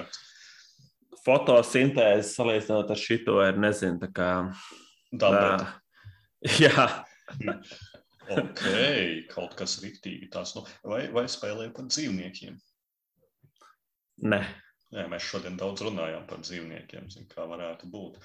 Par ko ir šī spēle? Tā nav par sacensībām, tā nav par zinātni, tā nav par fantāziju, tā nav par. uh, Bet, bet, bet ja bija par vēsturisku, es tagad domāju, kad es uzdevu jautājumu. Jautājumu es uzdevu, vai tur bija kaut kas vēsturisks. Nē, kaut kas laikam bija. Nu, ok, labi, varbūt. Kind tas- of, jā. Eh, Antīkā pasaule. Nē, šī nav antīkā pasaule. Nav antīkā pasaule. Nu, labi, paņemsim visu atpakaļ. Tātad no antīkās pasaules līdz lielajam sprādzienam vai tajā timeframe. nē, nē, nē, noteikti. Okay, tad tas nav viss. Mēs esam noslēguši līdz renesansē. Visā tajā periodā šī spēle neietilpst nekādā veidā vai formā. Ļoti labi. Vai tas ir kaut kas saistīts ar karu? Nē, bet ir 20. 20. jautājums. Lieliski. Uh, un otrais hints jau ir labāks, kas saucas samaitātais genofons. Mm -hmm. Interesanti. Samaitātais genofons ir saistīts ar Jā. kādām spēlēm, kur ir, varētu būt kaut kādi koki, bet, bet, bet, bet, bet, bet tas nav par zinātni, kas ir interesanti. Jā. Tas nav par zinātni. Oh, bet, bet, ja mēs runājam par samaitātu genofonu, tad man nāk prātā dažā interesanta spēle par, par ģimeņu veidošanu. Nu, Ziniet, kā es paprasīšu, kā 21. vai tas ir Legacy Duke de Cressy? Tas tiešām ir legacy, Judy Cressy. Var, varētu teikt, pirmā legacy spēle. pirmā, kas trīs noteikti nosaukuma legacy. Jā, un tā ir laba spēle. Tā ir izcila spēle. Es viņu vērtēju ar deviņi, eh, bet, bet, bet tieši tā kā Kristap teici, popularitātes viņai vairs nav nekādas, un arī pats Ignācijas no Porto Game, nu, kas arī viņa izdevēja vēl pirms Jā. pāris gadiem aptaujājās, vai kāds to spēli vispār atceras, un, un, un tā kā neviens viņam neatbildēja, tad es ierakstīju viņa blogā, ka Klau atceras gan, un ka arī rīktīgi labs pasākums. Uh, mēs spēlējām pagājušajā, aizpagājušajā iegājā nometnē ar tevi. Es raudāju, tā spēlē gājušas stūlis, bija tā pārēcies. Tur vienkārši tiek precināti, viss pa labi, pa kreisi, un tā piedzimst bērns, tu priecājies, un tā nepiedzimst, un nenotiek. Un tā tālāk. Un viņi visi ir, viņi ir apspēlējuši to dizainā, vizuāli ar to uh, genofonda maitāšanu, kur nu, tu precējies ar radiniekiem vai ne, un tev sabojājas genofons. Es nezinu, vai tie ir radinieki, ne tie ir draugi, bet nu, tur, tur ir nu, interesanti. Nē, nē, tā doma jau ir tāda, tu tāpat tās ir. Nu, pirms simts gadiem Francijas, Francijas karalis ir iepricinājis savu meitu prūšos, pēc tam atkal no, nu, to meitu precās atpakaļ, un viņš tur par riņķim grozās. mm. uh, bet spēle ir, spēle ir tik labi. Spēle ir tiešām izdevusies, un visiem iesaku pameklēt, īpaši tiem, kam patīk kartiņas likt, un Kristofam pat parasti nepatīk ar kartiņām darboties. Jā, jā, jā. jā. Bet, bet šis, šis viennozīmīgi ir, ir, ir fajn, bet nu, viņam vajag lielu galdu. Ja tu gribi kārtīgi un nikni precināt visus, tad šis te koks veidojas rīktīgi uz galda. Tas, jā. tas ir un... labais. Pirmais hints bija domās, mums ar tevi ir bērni, bet Latvijā to demogrāfiju ir pašvaki.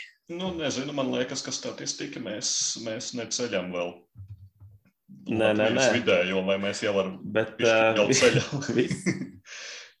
tu, te, tu, tu, tu ej uz to, lai tu vismaz atražotu, kā mēs teikt, ja šobrīd tieši būs, tā, tieši būs tā. kārtībā. Bet, uh, jā, spēle ir ļoti forša un interesanta un super rēcīgi tematiski. Ļoti, ļoti. Jā, jā, jā, mazāk zināma cilvēkiem, bet noteikti es iesaku pie iespējas, jā, pameklēt, uzspēlēt Legacy Duke de Cressy, jā, ir, ir, ir, un arī šis te mākslas uh, pielietojums iekšā, nu, ir foršs, tiešām ir interesanti uzzīmēti visi tie sašķobītie augstmaņi, un, un, un, un ne tikai augstmaņi, bet arī meitenes par apmaksu mednieki, un kas tik vēl, ne, un, un, un, un kurpnieki, un, un, un, un ja tu nopreci neglīto resno mākslu, kārtu, kur ir buļciņa cepēja, tu toties dabū pūrā milzīgu čupu naudas, ja? un, un, un staļa puisis uh, uztaisīs tev sešus bērnus, nevis trīs kā citi. Ja? Nu, ir... Jā, jā, tas vienkārši saprietos, ka spēle ir politi nekorekta. viņa tam laikam, viņa, viņa vēl nebija. Varēja, jā. Tagad es teiktu, ka viņa jau balansētu uz banu. es domāju, ja tagad portāls šito izdotu, viņš tur apmētātu pamatīgi, cik vien varētu visu kaut ko, bet uh, ja var dabūt to oriģinālu tā ir, tā ir tāda mm. manta. Jā, Vienkārši. bet patiesībā runājot par oriģināliem, ja var dabūt oriģinālu, vai arī, ja mēs runājam par vispār lietām, kas ir oriģinālas, nevis ķīniešu vai poļu ja kaut kādas, tad, tad, tad šodien mums ir labs kreisais top 5. O, jā. Mēs runāsim par ķīniešiem, poļiem un erenpreisu. Kā saka, mūsu nosaukumi paliek aizvien miglaināki un bezsakarīgāki. Bet nu, ideja ir tāda, ka mēs vēlamies eh, akcentēt spēles, kurās mehānismi, nu, galda spēļu mehānismi, zinu, tā kā viss staigā un saka, otek, buildings, worker placements, bla, bla, bla, jā, mehānismi ir uztaisīti savādāk kā ierasts. Nu, vai, vai, vai uzlaboti. Ja? Nu, mūsu gadījumā, droši vien, ja tas ir top 5, tad tie mehānismi ir uzlaboti. Un tas būtu tas ērenpreis pret ķīniešu poļu riteņiem, nekristat? Jā, jā ērenpreis štēles pats rulēja Jelgārs ar ērenpreis, un es priecīgs. Tagad, zin kā, tev nav tā, ka šķūnī grūti rāmi stūri iestums stāv ērenpreis kalfo dziedāja, ja? tikai rūsa jānokās. Jā, jā, jā. Tagad man būs savs. jā, nu, mums ir viens kopējs goda piemineklis, eh, lai cilvēki saprastu, ko mēs runājam. Jo no tā, ko mēs te sabūzguļojam, var nesaprast, par ko būs tops. Ja? Un tas mūsu kopējais, eh, Kristopam varbūt būs vēl, ja? no manas puses tas tāds galvenais būtu Colkin eh, kā goda piemineklis. Un kāpēc? Tāpēc, ka ir šis strādnieku izvietošanas mehānisms ļoti populārs worker placement. Ja? Un Colkin ir iespēja izvietot šos strādniekus uz zobratiem, un šie zobrati kustas, bet manā topā, un es pieņemu, ka arī Kristapa topā viņš nenonāca, tāpēc, ka viņš jau ir par tālu aizgājis tajā mehānisma izmaiņā, kā tu domā? Nu, man viņš būtu nonācis, ja mēs nebūtu vienojušies, kāds goda pieminekta izstāstīt šo ideju kā tādu, jo nu, viņš ir forši to sagrozījis, to mehānismu, bet Jā, jā, jā, tā doma ir tāda, ka mēs sagrozām kaut kādu konceptuālu mehānismu. Man ir vēl viens gods piemērs, kas var dalīties. Tagad arī būtu manā topā, bet es viņu ieliku pieminekļos, jo man viņš ir bijis ļoti augsts topā, kas ir darbinieku izvietošanas spēle, Keyflowers. Mm. Keyflowers, kur mēs atkal varam diskutēt par to, un tur viņš ļoti forši. Tev nav savs krāsas darbinieki, ir trīs krāsas, un tu viņus gan lietas virsū, gan menedžē, un tas ļoti ierobežos tajās krāsās, un, un viņš ir superīgi. Mm super, super, super, gusta esse tipo de aspecto. Mas já. Jā, tā tad mēs runāsim tieši tā par tādām spēlēm, kas, kur, kur zināms standarta mehānisms. Un es eh, reāli čītošu šoreiz, jo oh, oh. es teicu, ka man būs Colkin, kā mans mūsu vienošanās kopējais goda pieminējums, ja pieminēšanas vērts, bet patiesībā es pakluso varu pateikt, ka man gandrīz pie katras taupa vietas būs alternatīvas. nu, Tad jau tas man mehānisms nav unikāls. Kas, kas par nē, nē, nē, nevis alternatīvas eh, tieši tāpat, bet ka mehānismam var pieiet dažādi. Ja? Bet, nu, tad jau redzēt, tad redzēsiet, viss kārtībā. Mani goda pieminekļi būs nevis pirms tam, bet pie, pielikti, pišķiņi piekombinēti klāt. Bet, uh, lai jūs Jeez. saprastu, kā ir jādara pareizi, Kristaps ar savu piekto vietu, kur ir korekta, godīga. Jā, man ir korekti, godīgi par akciju pārdošanas spēli, kas ir stockpiles. Uh, un tas mehānisms, kas ir itī forši, man liekas, stockpiles ir super veiksmīgi. Uh, ielicis mehānismu, kurš man tāds spēlēs, ir 80% nepatīk, 20% patīk, kas ir izsoles. Man pārsvarā nepatīk tā pārsolīšana un ņemšanās par īņķi. Un Stokpēlē viņš ir ļoti elegants. Tur tā kā tev ir tāds piecas vienības, tāda kalkulatoriņa, kur tu uzliec vienu vienīgo savu strādnieciņu virsū, un tu saki, ka tu pirksi šīs akcijas par 3 eiro. Un kāds cits uzliek virsū, ja viņš paliek tālāk, un tu saproti, ka tur stāv tik ilgi. Līdz brīdim, kad kāds ir uzlicis tālāk uz tās vietas līdz kaut kāds līdz tālāk, tie, kas ir apakšā, atkal var kaut kur pārlikt vēl kaut kur citur tālāk. Un tā ir kaut kāda atšķirība no spēlētāja skaita, kā 3, 4 akciju portfeļi, kur mēs visi sadalām uz pakāpenes to cenu kāpjam uz augšu. Un tas tik forši un eleganti izsola tur iet uz priekšu, ka man ļoti, ļoti patīk. Ja man pats Stokpēlē kā spēle, nu, so, so, tas šis mehānisms ir tik feini, eleganti pārdomāts, ka uh, Uh, viens no galvenajiem iemesliem, kāpēc man viņš arī ir joprojām kolekcijā, un tā superīgi pārskatām, redzam, iziet izsoli un viss notiek. Jo parasti izsoļu spēles, jā, nu arī manas žanrs nav izsoļu spēles. Stokpailes, jā, labprāt kaut kad nomēģinātu, lai redzētu, kas ir, kas ir tas atšķirīgais, jo bieži vien īpaši akciju spēles man šķiet, ka ir diezgan līdzīgas, jā, visas. Un, un, ja te kaut kas ir savādāk, tad nu, noteikti jā, jā, jā, jā. pamēģināt. Ir vērts pamēģināt. Ir vērts jā, pamēģināt. nu, es savā piektajā vietā ķeršos pie tāda mehānisma ļoti populāra kā set collection, uh, kuru es pat īsti nezinu. Jā, nu, kolekcijas veidošana, protams, loģiski varētu būt. Nu, viņš ir ļoti daudzās spēlēs ne kā pati, pati bāze, ja, bet, bet nu, kā papildus mehānisms, ja, ka tu kaut ko, kaut ko dari un pie sevis veido kolekciju. Ja. Nu, standarts vienalga, eju kaut ko vākt. Ja. Uh, Kristapam tik mīļais Rivers of Midgard, ja pie sevis veidoju kolekciju ar veclietām, vikingu sazaktām. Ja, pēc tam man dod punktus, ja es savācu četrus, tad uh, man dos septiņus punktus, ja es savācu piecus dažādus artefaktus, man dos divus. Izklausās, tu esi gatavs feldu spēlēt. Jā, jā, jā. Nu, set collections uh, ir diezgan biežs, un uh, man viņš patīk kā mehānisms. Bet, bet, bet ir tā, ka ir spēles manā gadījumā nu, viena, pusotra teiksim, spēle, kura ir pavisam savādāka. Un par viņu es jau esmu stāstījis, bet ne topā. Un tas ir Fantasy Realms. Tie, kas grib zināt par šo spēli detalizēti, šī gada sākumā meklējiet pēc Red Rising. Ja? Zvaigznīte pie Fantasy Realms, meklējiet mūsu aprakstos spēli Red Rising, un tur es kārtīgi par šo spēli izstāstu. Bet ideja ir kāda, kas šeit ir tik, tik ļoti specifisks kolekcijas veidošanā. Tava kolekcija ir tava roka. Un tava roka ir kārtas, ar kurām tu spēlē. Tu sāc spēli ar septiņām kārtīm rokās, un visas šīs kārtas tev dod punktus. Un pirmā kārta saka, ka viņa tev dos punktus, ja tev būs otrā un trešā kārta. Otrā kārta saka, ka viņa tev dos punktus, ja tev visas kārtas būs atšķirīgas. Un trešā kārta saka, ka viņa tev dos mīnus punktus, ja tev nebūs rokās ceturtās. Un savukārt ceturtā kārta tev saka, ja tev rokās ir pirmā, otrā un trešā, tad ir ļoti slikti. Un tad tu domā, man rokās ir septiņas kārtas. Un katru gājienu viena no tām jāizspēlē, jāizmet obligāti. Tu nevari ņemt vienkārši vēl un, un turpināt krāt. Uh, Un tad tu skaiti šos punktus un domā, vai, vai labāk zīle rokā vai metnis kokā. Un tad tu skaties uz citiem spēlētājiem, kuri aktīvi met ārā kārtas un vēl kaut ko klāt. Ja?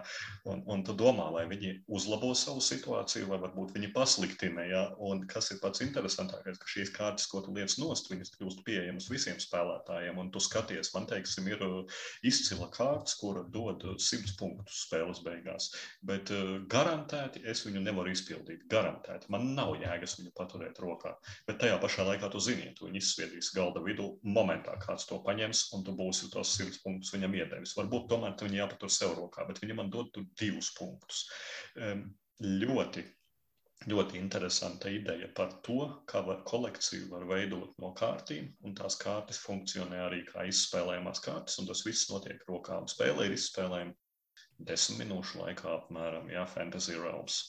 Nu, es nezinu, vai šeit es, es saprotu, ka alternatīva tev ir Red Rising. Ja? Nu, Red Rising, protams, jā, bet Red Rising jau ir sarežģīts. Nu, bet principā viņš arī der. der bet es neteiktu, ka viņš ir tas tīrs.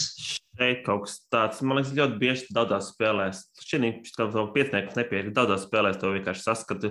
Arī tā pašā Race for the Galaxy ir līdzīga, Roll for the Galaxy, pat Terraforming Mars ir kaut kas uh, sajūta līmenī līdzīgs, man liekas. Uh, kad kombinē to savu kombinējumu, kāršu un vispārējo. Kāršu kombinējumu ir hand management mehānisms. Šeit es spiežu tieši uz to, ka, kā tu veido punktus. Uh mhm. -huh. Nevis kā tu izspēlē okay. kombinējot kārtu, bet kā tu dabū punktus. Jo uz katras no šīm septiņām kārtīm ir pateikts savādāks veids, kā tu dabū punktus. Un tev ir jāizdomā, ko es paturu rokās, ko es dodu prom, ko es mēģinu dabūt klāt. Vai es ceru, ka no kautas atnāks tas un tas, un tas man pēkšņi iedarbinās rekur piecas no pārējām kārtīm. Un ja viņš neatnāks, tad es sēžu ar nulle punktiem.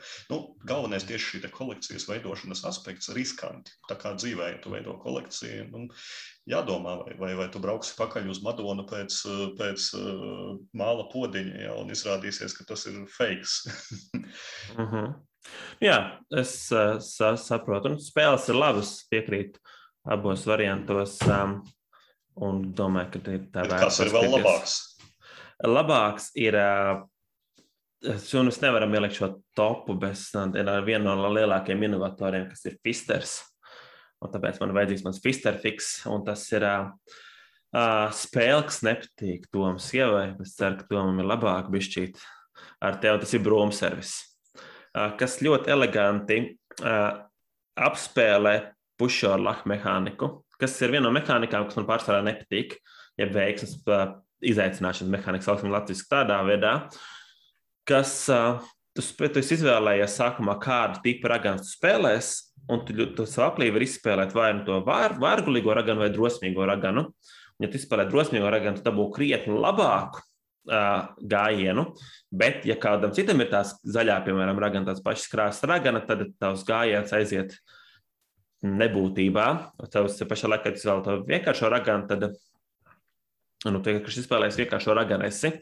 Un man ļoti patīk šī mehānika. Tu skaties, tu čeko, tu redz, ka kāds, kāds ir izspēlējis, to mainās. Tā varbūtība varētu būt, tu, tu vari skatīties to laukuma darbības, kas tur notiks. Līdz ar to var rēķināt, ka nu, okay, šis cilvēks noteikti kaut ko darīs ar torņiem. Šis mēģinās savākt kaut kādu zibentiņu. Tu vari skatīties un paredzēt to visu veiksmu izaicināšanu.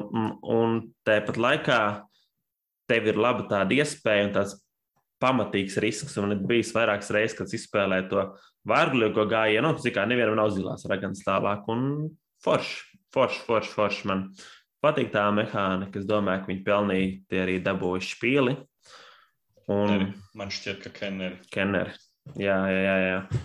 Un viņi ir mazliet piemirsta spēle, un arī mazliet novecojusi spēle vizuāli, un iespējams arī mazliet mehāniski novecojusi, bet ir spēle, par ko būtu vērts Es labprāt redzētu, kā ar otro izlaidumu, ar Tas bija otrais izlaidums. Ja domājies, tas bija. tas bija jo, otrais. Brūm servis ir otrais, pirms tam bija Witch Brew, kurš izskatījās uh, vecāks, krietni vecāks. To izdeva Rio Grande, un tas bija Alejā sērijā. Un, à, jā, arī Brūm servis, mm -hmm. kurš bija jau Ravensburgers un arī Alejā sērija. Tā ka tas bija otrais izlaidums jau. Uh, ir interesanti. Ja, ja man būtu kaut kas par Brūm servisu jāsaka, tad viennozīmīgi tas ir tieši šis te bailīgās, drosmīgās raganas ideja, jo ja to noteiktu tikai, eh, ja katram būtu rokās kartiņa, yes or no, drosmīgs, eh, bailīgs, ja, nu tad, Jā. tad es teiktu, ka tas nebūtu tas, bet tā kā šīm raganām atšķiras vēl arī krāsas, tad tiešām bieži vien man liekas, ka nevar pat noprognozēt, kā tas notiks. Ja? Un dažreiz gadās, ka tur izbliežot uh, drosmīgo raganu, tu pēkšņi vari dabūt, visi ir nobijušies, ja tu dabū, dabū jā, jā, jā. no labumu. Ir, tu ir. vari, bet tu nevari, un tas ir forši. Salikt. Tā pašā laikā, piemēram, nu, kas vēl tās slavenās uh, veiksmes spiešanas spēles, piemēram, kvaki, nu, kur tu skaidrs, tu redzi, nu, tu riskēs, tur, nu, tas, tas risks ir garlaicīgs tāds. Nu, nu. Jo viņš vienkārši ir. Tu izvēlies, jā, jā, jā, jā, jā. tu izvēlies nevis kā tu riskē, bet tu izvēlies riskēšu vai ne. Viss, mm, jā, nu, teiksim, mm. Tas pats Inkan Gold diamants arī. Jā, nu, jā. tālāk, neiešu tālāk. Jā, te ir tomēr kaut kas pavisam citādāks. Mm. Bet labi, kas ir tavs četrnieks no raganām savā, uz? Savā četrniekā es pieķeršos pie mega populārā, laikam jau vispopulārākā mehānisma, kas ir strādnieku izvietošana, worker placements. Un, tā kā tas žanrs ir tik populārs un iespējams arī viegls taisīt, ja, nu tad arī dizaineri ir atļaujušies plaši eksperimentēt tajā žanrā. Ja. Jo, jo nu, tie, tie piemēri, kas varētu būt mani pieminēti, ja, piemēram, Robinsons Krūzo var sūtīt vairāk strādniekus, ja, lai nebūtu neveiksme. Ja. Jā. Tikko apspriestais Hallertavs visiem ir vienādi strādnieki, bet toties vietas, kur viņus sūtīt, paliek dārgākas uz turien ejot. Protams, ka village, ja, kur strādnieki noveco un nomirst, tas tāds mazāk populārs ir spīrījums, kur šo te strādniekus izvieto starp vietām, un tad uh, var izpildīt abas. Ja. Jā, tie visi ir, kā jau es minēju, dizaineriem patīk eksperimentēt ar strādnieku izvietošanu, bet viena no lietām, ko es tiešām uzskatu, kas ir vērtīgi, nevis vienkārši eksperiments eksperimenta pēc, ir pielietota Raiders of the North Sea. Ar mm. to, ka tu izdari divas darbības savā gājienā. Tu sūti strādnieku, un tu noņem strādnieku citu, un tu dabū abus labumus. Principā ar to ir panākts tas, ka spēle norit uh, divreiz ātrāk. Es nezinu, bet krietni raitāk. Jo standarta gadījumā, ja mēs pieņemam standarta worker placement žanra spēli, ja, nu es vienmēr, kā piemēram, minu Lords of Waterdeep, kas ir super paraugu paraugs, ja, aizgāju tur, dabūju burvi, aizgāju tur, izspēlēju intrigas kārti, aizgāju uz to mājiņu, dabūju divus bandītus, ja, nu, aizgāju uz to mājiņu, izpildīju kvestu, ja, nu, yeah viss super elementāri. Raiders of the North Sea ir tā, ka pirmkārt katram spēlētājam ir viens strādnieks. Viens. un to vienu strādnieku tu sūti uz galdu, un tu paņem vietā vienu citu no galda. Un tu izpildi abas darbības, gan to darbību, kur tu aizsūtīji savu strādnieku, gan to darbību, no kurienes tu noņēmi strādnieku. Un eh, tā kā šīs strādnieku izvietošanas vietas, viņas nav daudzas, septiņas, ja, plus mīnus.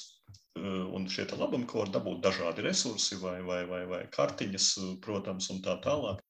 Bet, bet tas notiek dubulti ātrāk, jo to mierīgi varētu izdarīt tā, ka tu sūti vienu strādnieku, nākamajā gainā sūti otru, vai arī vienā gainā tu sūti, otrajā noņem. Mm. Bet tas ir uztaisīts tā, ka tas viss notiek čik, čik, čik, čik. Un tad uh, ir ļoti interesanti ar interakciju. Citiem spēlētājiem pat ne interakcija, bet skatīties, ko viņi darīs. Vai viņi nenoņems pirms tevis uh, to, to ko tu vēlies noņemt. Un otrs variants var būt tieši otrādi, vai viņi noņems no tās vietas, lai tev tur būtu brīvs aizsūtīt savu strādnieku. Un uh, kas ir vēl interesanti papildus, ir tas, ka šiem strādniekiem Raiders of the North Sea ir uh, dažādas krāsas, dažādi veidi. Ja? Nu, protams, ka nav zelīti teikt, bet nu, melnie ir sākuma strādnieki, ja? viņi, viņi dara visādus uh, netīros darbus. Ja? Un tad ejot tālāk reidos, vikingi, viņi, viņi dabū baltos strādniekus. Ja? Un, un ja tu sūti baltos strādnieku, tad viņš izdara dažās vietās vairāk. Bet sanāk arī to strādnieku, tu dabūji tikai uz vienu gājienu dabūji, tad tu viņu izliec un tu ņem vietā kādu citu strādnieku. Un ņem atpakaļ, teiksim, kādu no atkal melnajiem, kas tur ir. Tā rotācija strādnieku un viss, tas ir viens no, viens no tām lietām, kas ir atstrādāts uh, ļoti eleganti. Raiders of the North Sea. Jā. Es arī esmu spēlējis kopā ar Tomu, ja nemaldos, pareizi atceros, un man ļoti patīk tā strādnieka mehānika. Tā ir atstādāta kā Uh, tāds asins žilets, tās super asins, super ātri. Nu, varbūt ar mani spēlē kritika, kad man liekas, tas pārējais spēles, spēles gaļa, ko tas žilets asins griež, nav tik jaudīgs jā, un tik labs, jā. bet tas mehānisms gribētu viņu redzēt kaut kādā tādā. Es pieņemu, ka citās uh, Raiders of City varētu būt ka kaut kas līdzīgs. Es nezinu, bet, bet, bet, bet citās šī tipa spēlēs un šo autoru spēlēs, mm. jā, nu, viņiem, viņiem ir interesantas tās idejas arī, teiksim, Architects of the West Kingdom ar šo te, ka tu katrs nākamais strādnieks, ko tu sūti, palielina to, kādu labumu tu dabū. Tas arī ir interesanti. Architects jā, jā. Tu aizsūtīji vienu strādnieku, dabūji vienu koku. Pēc mm. tam nākamajā gainā sūti otru strādnieku uz to pašu vietu, dabū divus kokus un tā tālāk. Ja, nu. Bet es izvēlējos šo kā nu, vienu no pirmajiem, kas kaut ko tādu eksperimentu izdara. Un droši vien arī viselegantāko Jā, no šīm visam šiem pielicis spēlēm. Jā, ok.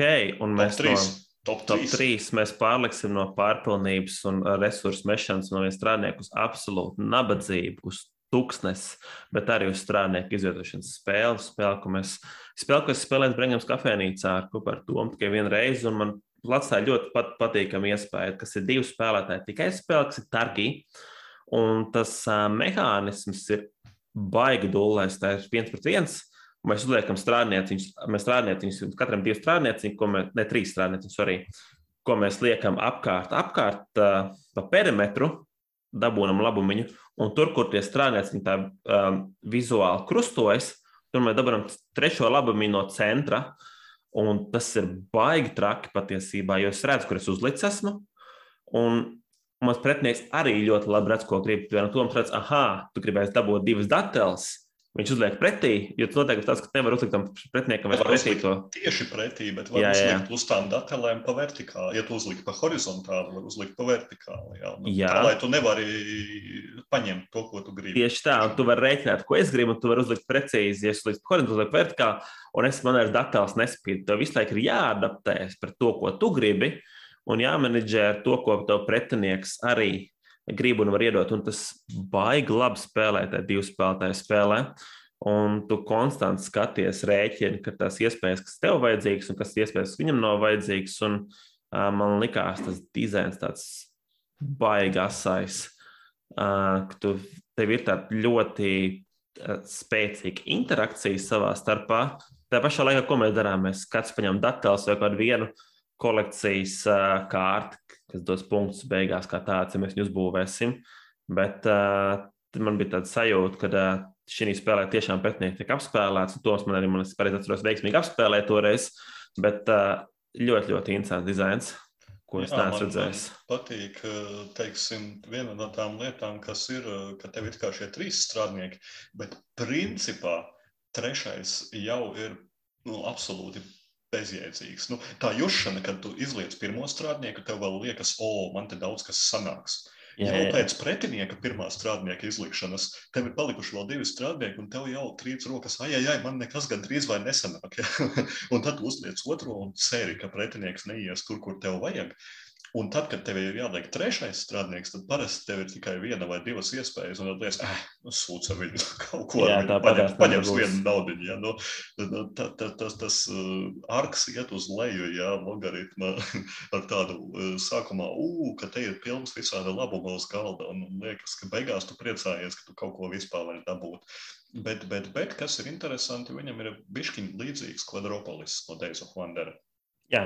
Tieši ar šo tailu paņemšanu arī tā, ka, ka tu liec eh, šim režģim no vienas puses, no otras puses, jā, un, un kaut ko savāds. Tā, ka kaut ko kvadropolis ir paņēmis no targī, targī bija daudz, daudz vecāks. Jā, jā. Kas ir forša mehānikas, labprāt, vēl kaut kur redzētu?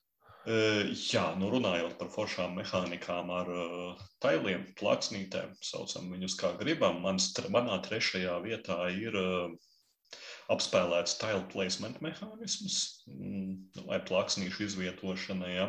No, no. Un, un, un mans slepenais godājamais piemineklis šeit, kuru es iemūcīju iekšā, ir ekslibris, kur ir nevis taili, bet kartiņas bibliotēkas, bet, bet, bet šīs kartiņas ir jāizvieto pēc alfabēta vēlams, un uz katras kartiņas ir, teiksim, grāmatas no burtā līdz burtam, nezinu, kaut kam, ja, un tā un tā tālāk, un, un tev viņas jāizvieto trīs stāvos, un, un, un visu laiku ir jāplāno. Tur, teiksim, man atnācis burts S, vai es viņu likšu kreisajā apakšējā stūrī, vai tomēr vidējā līnijā galējais plaukts, un plaukts nedrīkst karāties gaisā, tā. Nu, tāds foršs, foršs piesitiens, bet nē, tā nav mana trešā vieta.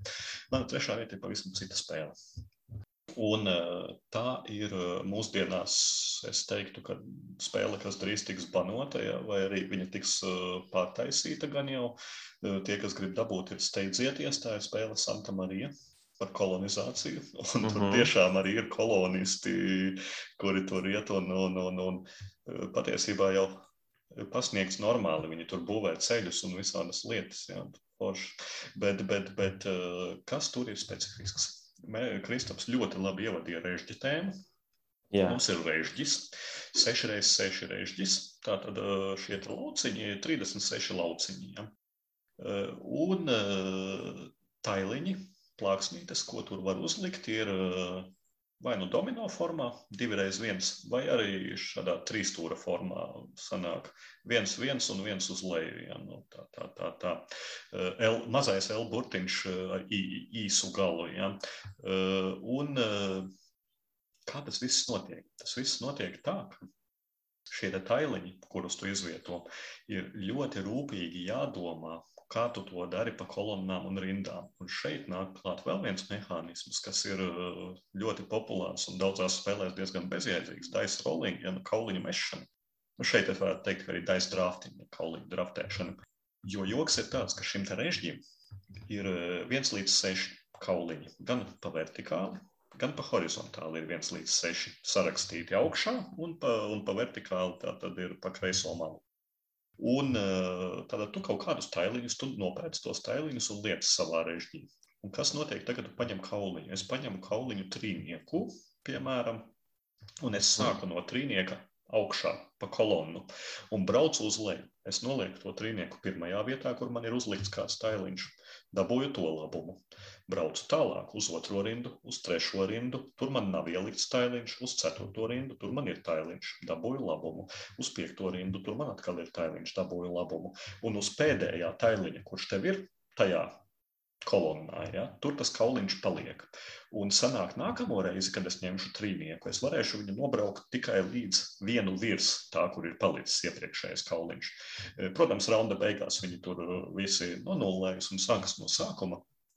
Bet, eh, bet atšķirībā no citiem tēlu placement spēlēm, ja nu klasiski tur suburbija nu, vai karkasoni, ja skatāmies kaut ko vienkāršu, šis bija tāds ļoti unikāls apvienojums ar šo kauliņu uzmešanu un draftēšanu, eh, ka tu plāno un domā, re, kur es, ja es šeit uzlikšu raktuves, akmens raktuves, ja, un, piemēram, zem viņas tur nolikšu pilsētu, jo tur, tur teiksim, tu iegūsti kaut kādu resursu, kuru tu pēc tam vari izmainīt uh, tirgu par, par akmeni, es dabūšu daudz naudas, ja, un tad tu plāno, ka es tur nopirkšu tā, un tad es ielikšu to un ielikšu to, un tad, kad man ies kauliņš uh, pa konkrēto vertikāli vai pa horizontāli ies uh, cauri visām vietām, tad es secīgi būšu iedarbinājis savu dzinēju, ja kā tas pasākums notiek. Dabūšu akmeni, iemainīšu akmeni pret trim naudām, pēc tam par naudām nopirkšu kuģi. Ja.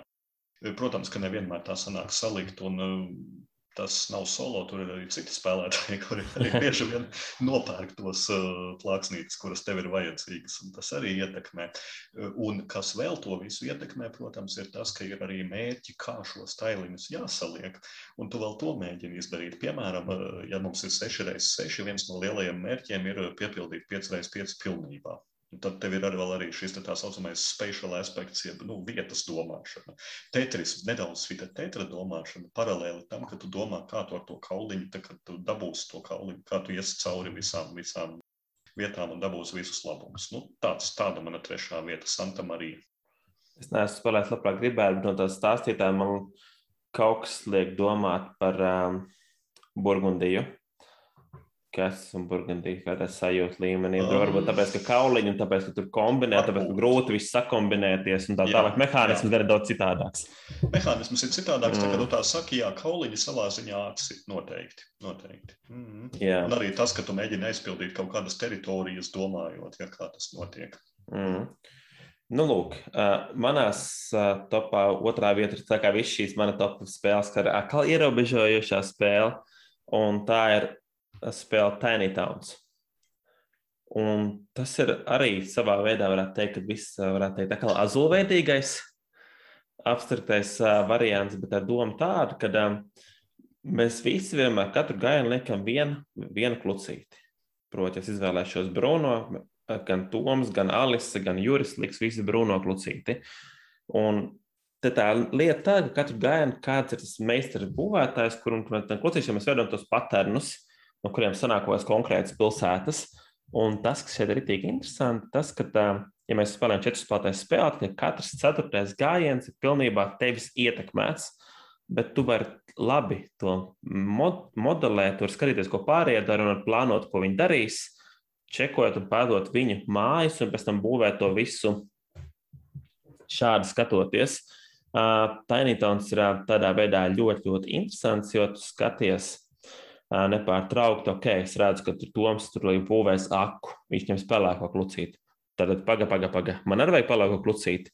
Es neņemšu pelēko, jo tas atnāks vēlāk. Un, tu, ja tu labi iedziļinies, tad Tainitons ir super interesants. Un plus vēl tā ideja, ka tāds laukums laika aizpildās, tu uzbūvēji vienu paternu, uzliec māju, ko tu uzbūvēji, uzbūvēji nākamo paternu, uzliec atkal māju, ko tu aizpildīji.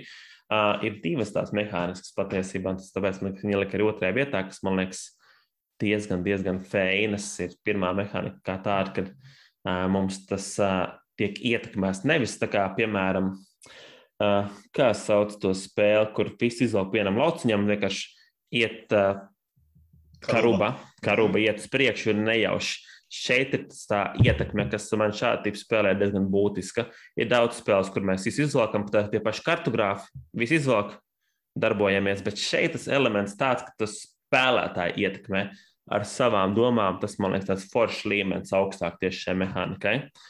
Un jā, man otrā vieta - Tiny Towns noteikti augstāk šim mehānismam. Jā, nu, es pilnīgi tagad es saprotu, kāpēc man Tainītons nepatīk, jo Kristofam viņš patīk. Jā, un, un, un es līdz šim nebiju sapratis, kas ir ierobežojušo mehānismu dēļ. Ne tāpēc, ka kāds cits tur ietekmē, bet man es atceros, man, man reāli besītā būvēšana. Tas, ka tu e, uzbūvē un tev viss pietājas, ah, tev viss pietājas jau uz galda ar resursiem būvēšanai kaut kā tā. Un, un, un, un tu, jūties tik ierobežots tajā partijā. Kam on, nu, kāpēc man vajag iespundēt? Jā. Nav tik tā, ka tur saplāno, ka tur būvēt un iet savu džendu. Nav nevainas. Mm, un tad tev vienkārši nav vairs vietas kaut ko uzbūvēt, vai nav resursi. Es atceros tainīt, es atceros, bija, bija tāds joks. Bet, nu jā, es spēlēju tikai vienreiz, un es nedarīju to, ko Kristaps ļoti ieteica darīt. Tāpēc nepieļaujiet to kļūdu, ko Toms pieļāva. Es neskatījos neko, neko viens cits dara, un tāpēc yeah. es nezināju, kādi resursi man nāks, un man piedzinās ar sliktiem resursiem galds. Un, jā, tas bija briesmīgi. Būvē savu aku un visus brūnos resursus vienkārši liek vienā, vienā maliņā pēc mm. kārtas. Kaut kā mēģina uztaisīt. Jā, jā. jā. Okay. Mana otrā vieta ir šodien pieminēta lieta, bet pilnīgi citā kontekstā spēle. Nu, labi, ne pilnīgi citā. Uh, Kristapam bija godājams piemineklis Keyflowers, uh -huh. uh, kā labs piemērs strādnieku izvietošanai. Man otrajā vietā Keyflowers ir kā labs piemērs, protams, ne jau strādnieku izvietošanai, protams, ka ne, bet auction bidding, jeb izsoļu mehānismam un arī strādnieku izvietošanai, ja Kristaps tā vēlas. Kāpēc? Tāpēc, ka, kā jau Kristaps minēja, šajā spēlē nav tev savas krāsas strādnieki. Ir trīs krāsas strādnieki, ja tur klasiskie celtnes, sarkanas sils, jā.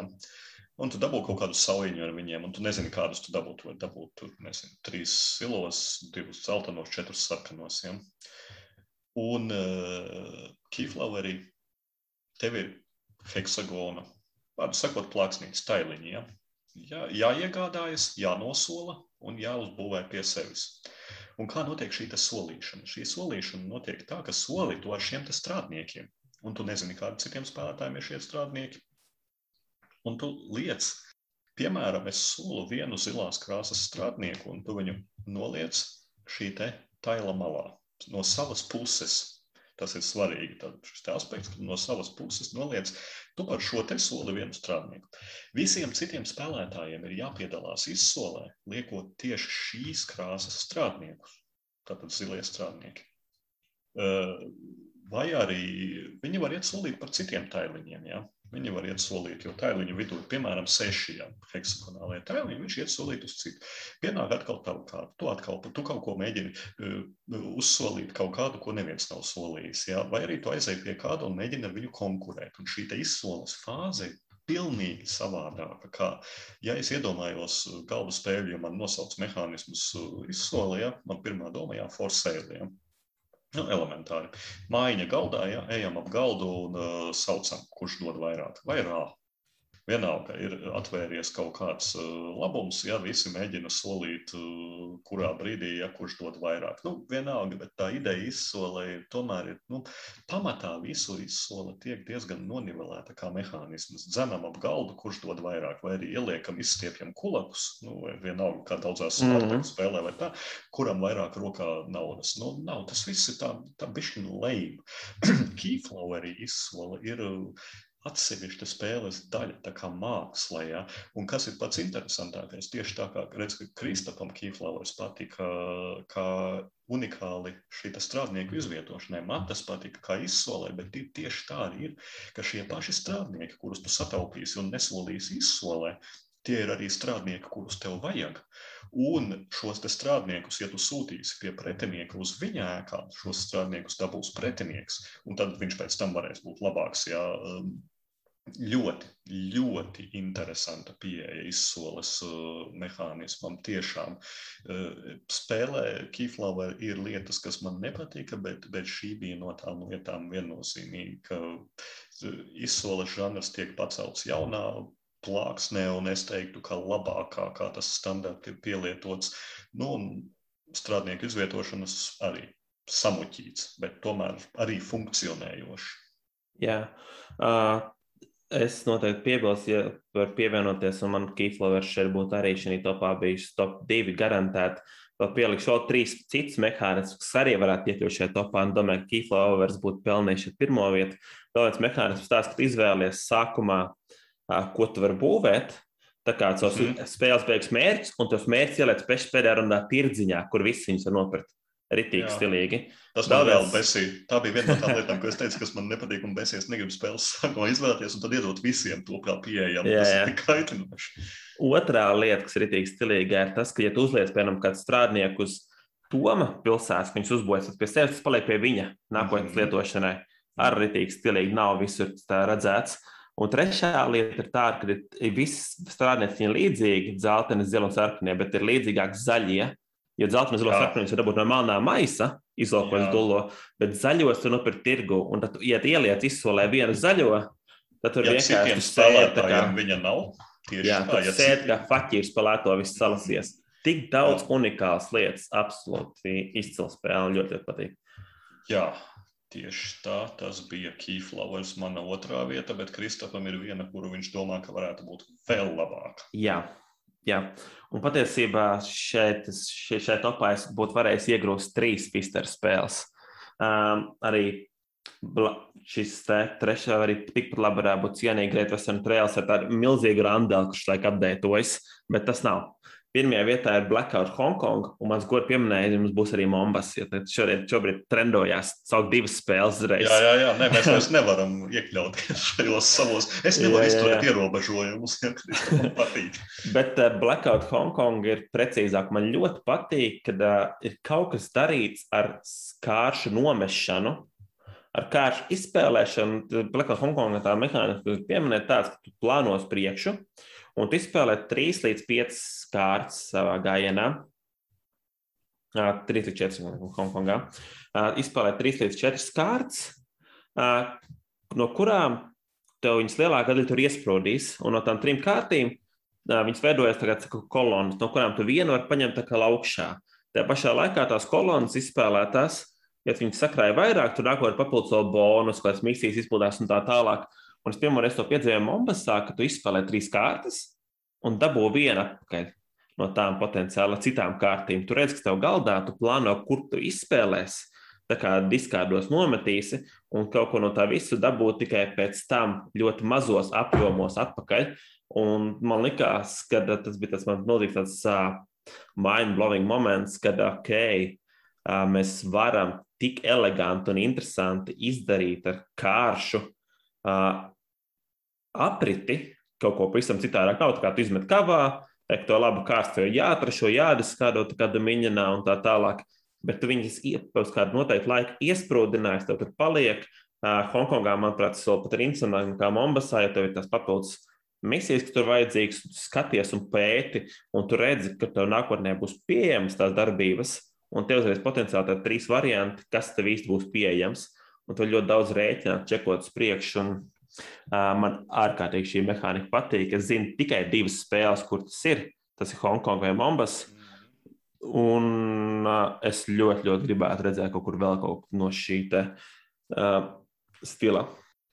Jā, man teiksim, jau abām šīm spēlēm uh, noteikti labāk patīk Mombasa. Mombas ir labāka spēle. Bet, bet tieši tā, kā tu, Kristaps, saki, šī kāršu mehānisms uh, Blackout Hongkongā ir foršāks.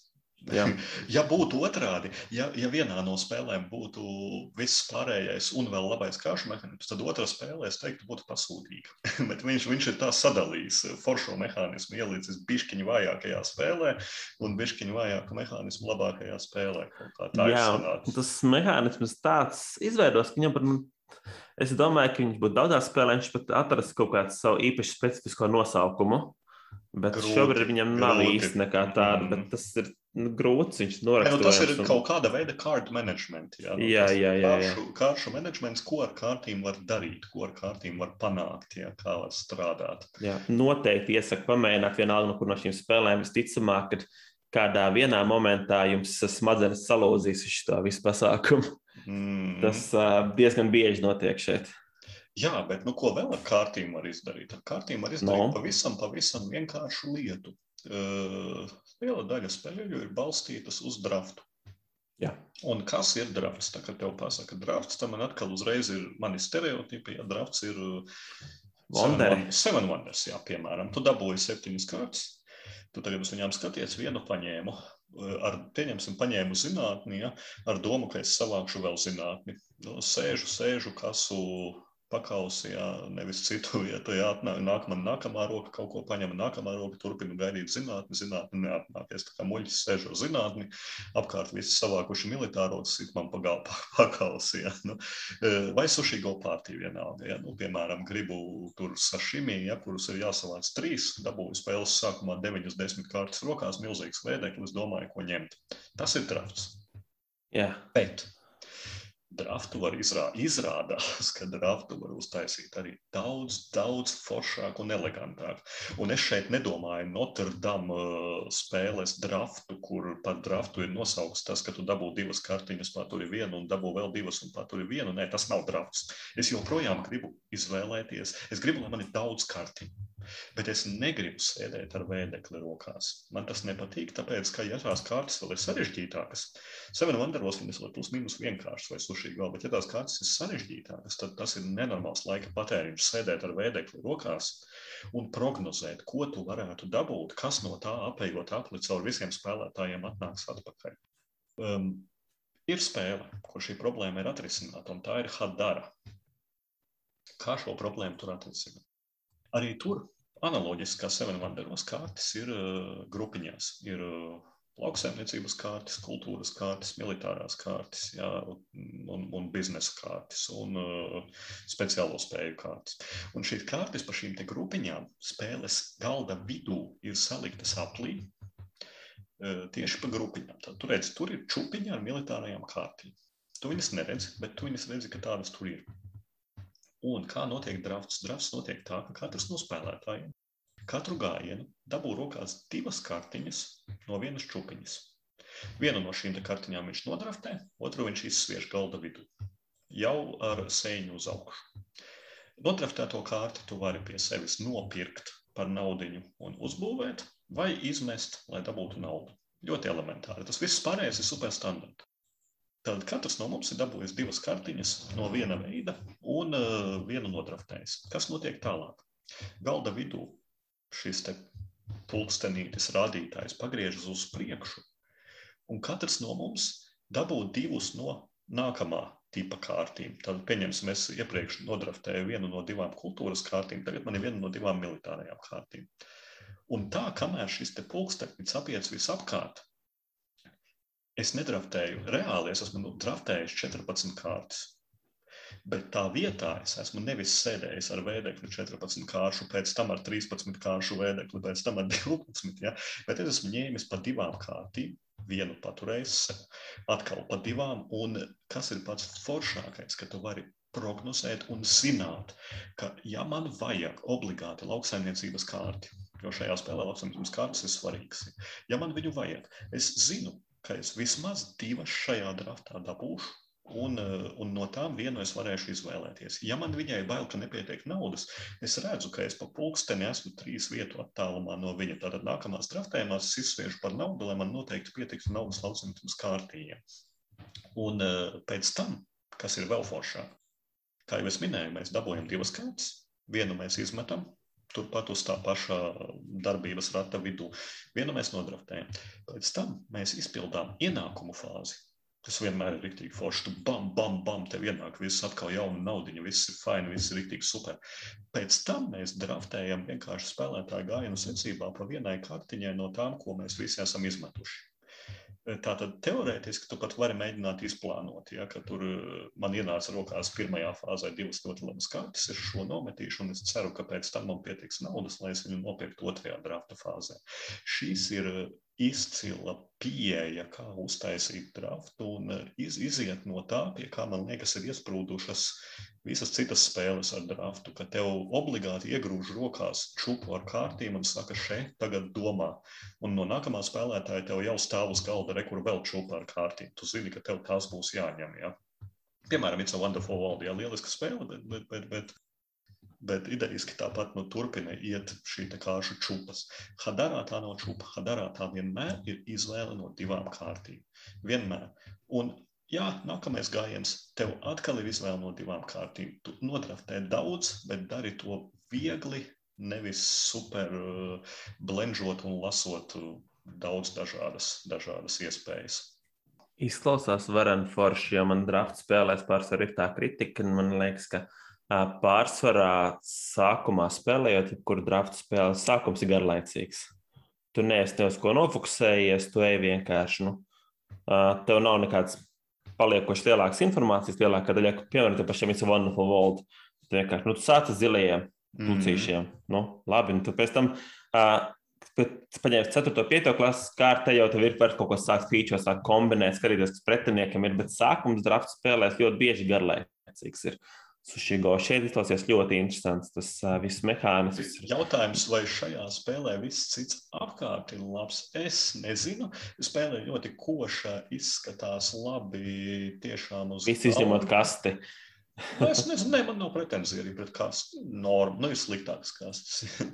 bet, bet, bet eh, tas, vai viss pārējais tur ir labs, es teiktu, ka tas jau ir tāds seven wonderīguma ideja. Nu, patiesībā ļoti sit sauli seven wonders ideja, bet šī ir nu, nopietnāka, garāka spēle. Bet, bet tieši tas drāts, jā, nu, viņš, viņš ir super. Es ceru, ka vēl kaut kur ja dara draftu, tad piedomās pie citiem, pie šāda drafta veidiem vai vēl kaut kādiem citiem drafta veidiem, bet ne, ne, ne tam, ko tu Kristofers minēji tieši tā, ka tev spēles sākumā čūpā ar kārtīm un domā, ko tu tagad darīsi, bet mm -hmm. tu jau nevari pat domāt no tām kārtīm, kas tev ir rokās, jo no tām tu paturēsi vienu. Tieši tā. Un tu neredzēsi lielāko daļu no viņām vairāk nekad. Tieši tā, tieši tā. Uh, šis izklausās tāds atsvaidzinošs, jo es pārsvarā uz drafta spēlēm skatos, ka, nu, ok, fēni, mehānika forša, liels pluss, tu vari pārsvarā tās visas spēles ātri izspēlēt, tas nav Rage vai kaut kas tam līdzīgs. Uh, tad uh, šis izskatās kaut kas, kas varētu būt ļoti svaigs un interesants, labprāt izmēģināt kaut kad. Jā, nu, tas mm. bija mūsu versijas par tēmu. Mūsu ērenpreis atrasties starp poļiem un ķīniešiem. Jā. Var, varbūt, ka Nezinu, vai mums bija taisnība vai nebija. Par šo noteikti var diskutēt. Ja kādam ir, ir, ir viedokļi, gaidīsim komentāros, ko jūs uzskatāt, kāpēc Kristofa izvēles bija nepareizas un manas pareizas, ja, un, un, un kur ir Jā. tie unikālie mehānismi. Nevis mehānismi, bet unikālas pieejas mehānismiem, teiksim tā. Jā, noteikti var ierakstīt kādu spēli komentāros, kas mums būtu jāizspēlē kādu unikālu mehānismu dēļ. Es būtu tikai un vienīgi interesēts kaut ko izmēģināt traku. Jā. Nu, es teiktu, ka septembris ir ievadīts, lapas vēl nesārtojas un nedzeltē, jā, bet, bet Matis Irmi arī vēl nepaliek, nekristam. Nē, kuram nepaliek, kuram mazliet paliek, bet es domāju, ka, es domāju, ka visiem var sākt gatavoties ziemai, gatavoties grieķu burtiem un cerams, ka visiem viss būs kārtībā. Jā, būs, būs labi. Gan jau, gan jau viss būs ok. Gaidiet uh, atkal īpaši Pēterītam, lai iznāk domāts skolā, viss kārtībā, lai, lai var uzrakstīt, kā klausījās kreiso tokenu visu vasaru. Un, Jā. gaidiet un, oktobri. Un ir atkal iespēja noteikti unikāli pieteikties jaunu spēles uh, slepeniem dārgumiem, vai ne? Obligāti. Obligāti Kā? iesakieties, skatieties, būs saita uz manu kolekciju, Facebookā būs uh mhm. -huh. ielikta. Ejiet, nekautrējieties, apskatieties. Šobrīd jau es saku, jā, lieciet jebkuru. Sākumā es teicu, nelieciet, lieciet jebkuru. Gan jau, gan jau izdomāsim, jo es izdomāju, ka man tas tāpat gan jau, ka nav obligāti jāizdara pa mēnesi. Nu, ja jūs jūtat, ka es esmu pazudis vai Kristofam ir asiņaina lāpsta jau bagāžniekā, tad skaidrs, yeah. ka slepenos dārgumus var kādu laiku nedzirdēt. Bet, nu jā, dariet, dariet tā. Jā, tas laikam Labi. arī šoreiz tad ir viss. No mūsu puses. Tā visiem. Tā, tā.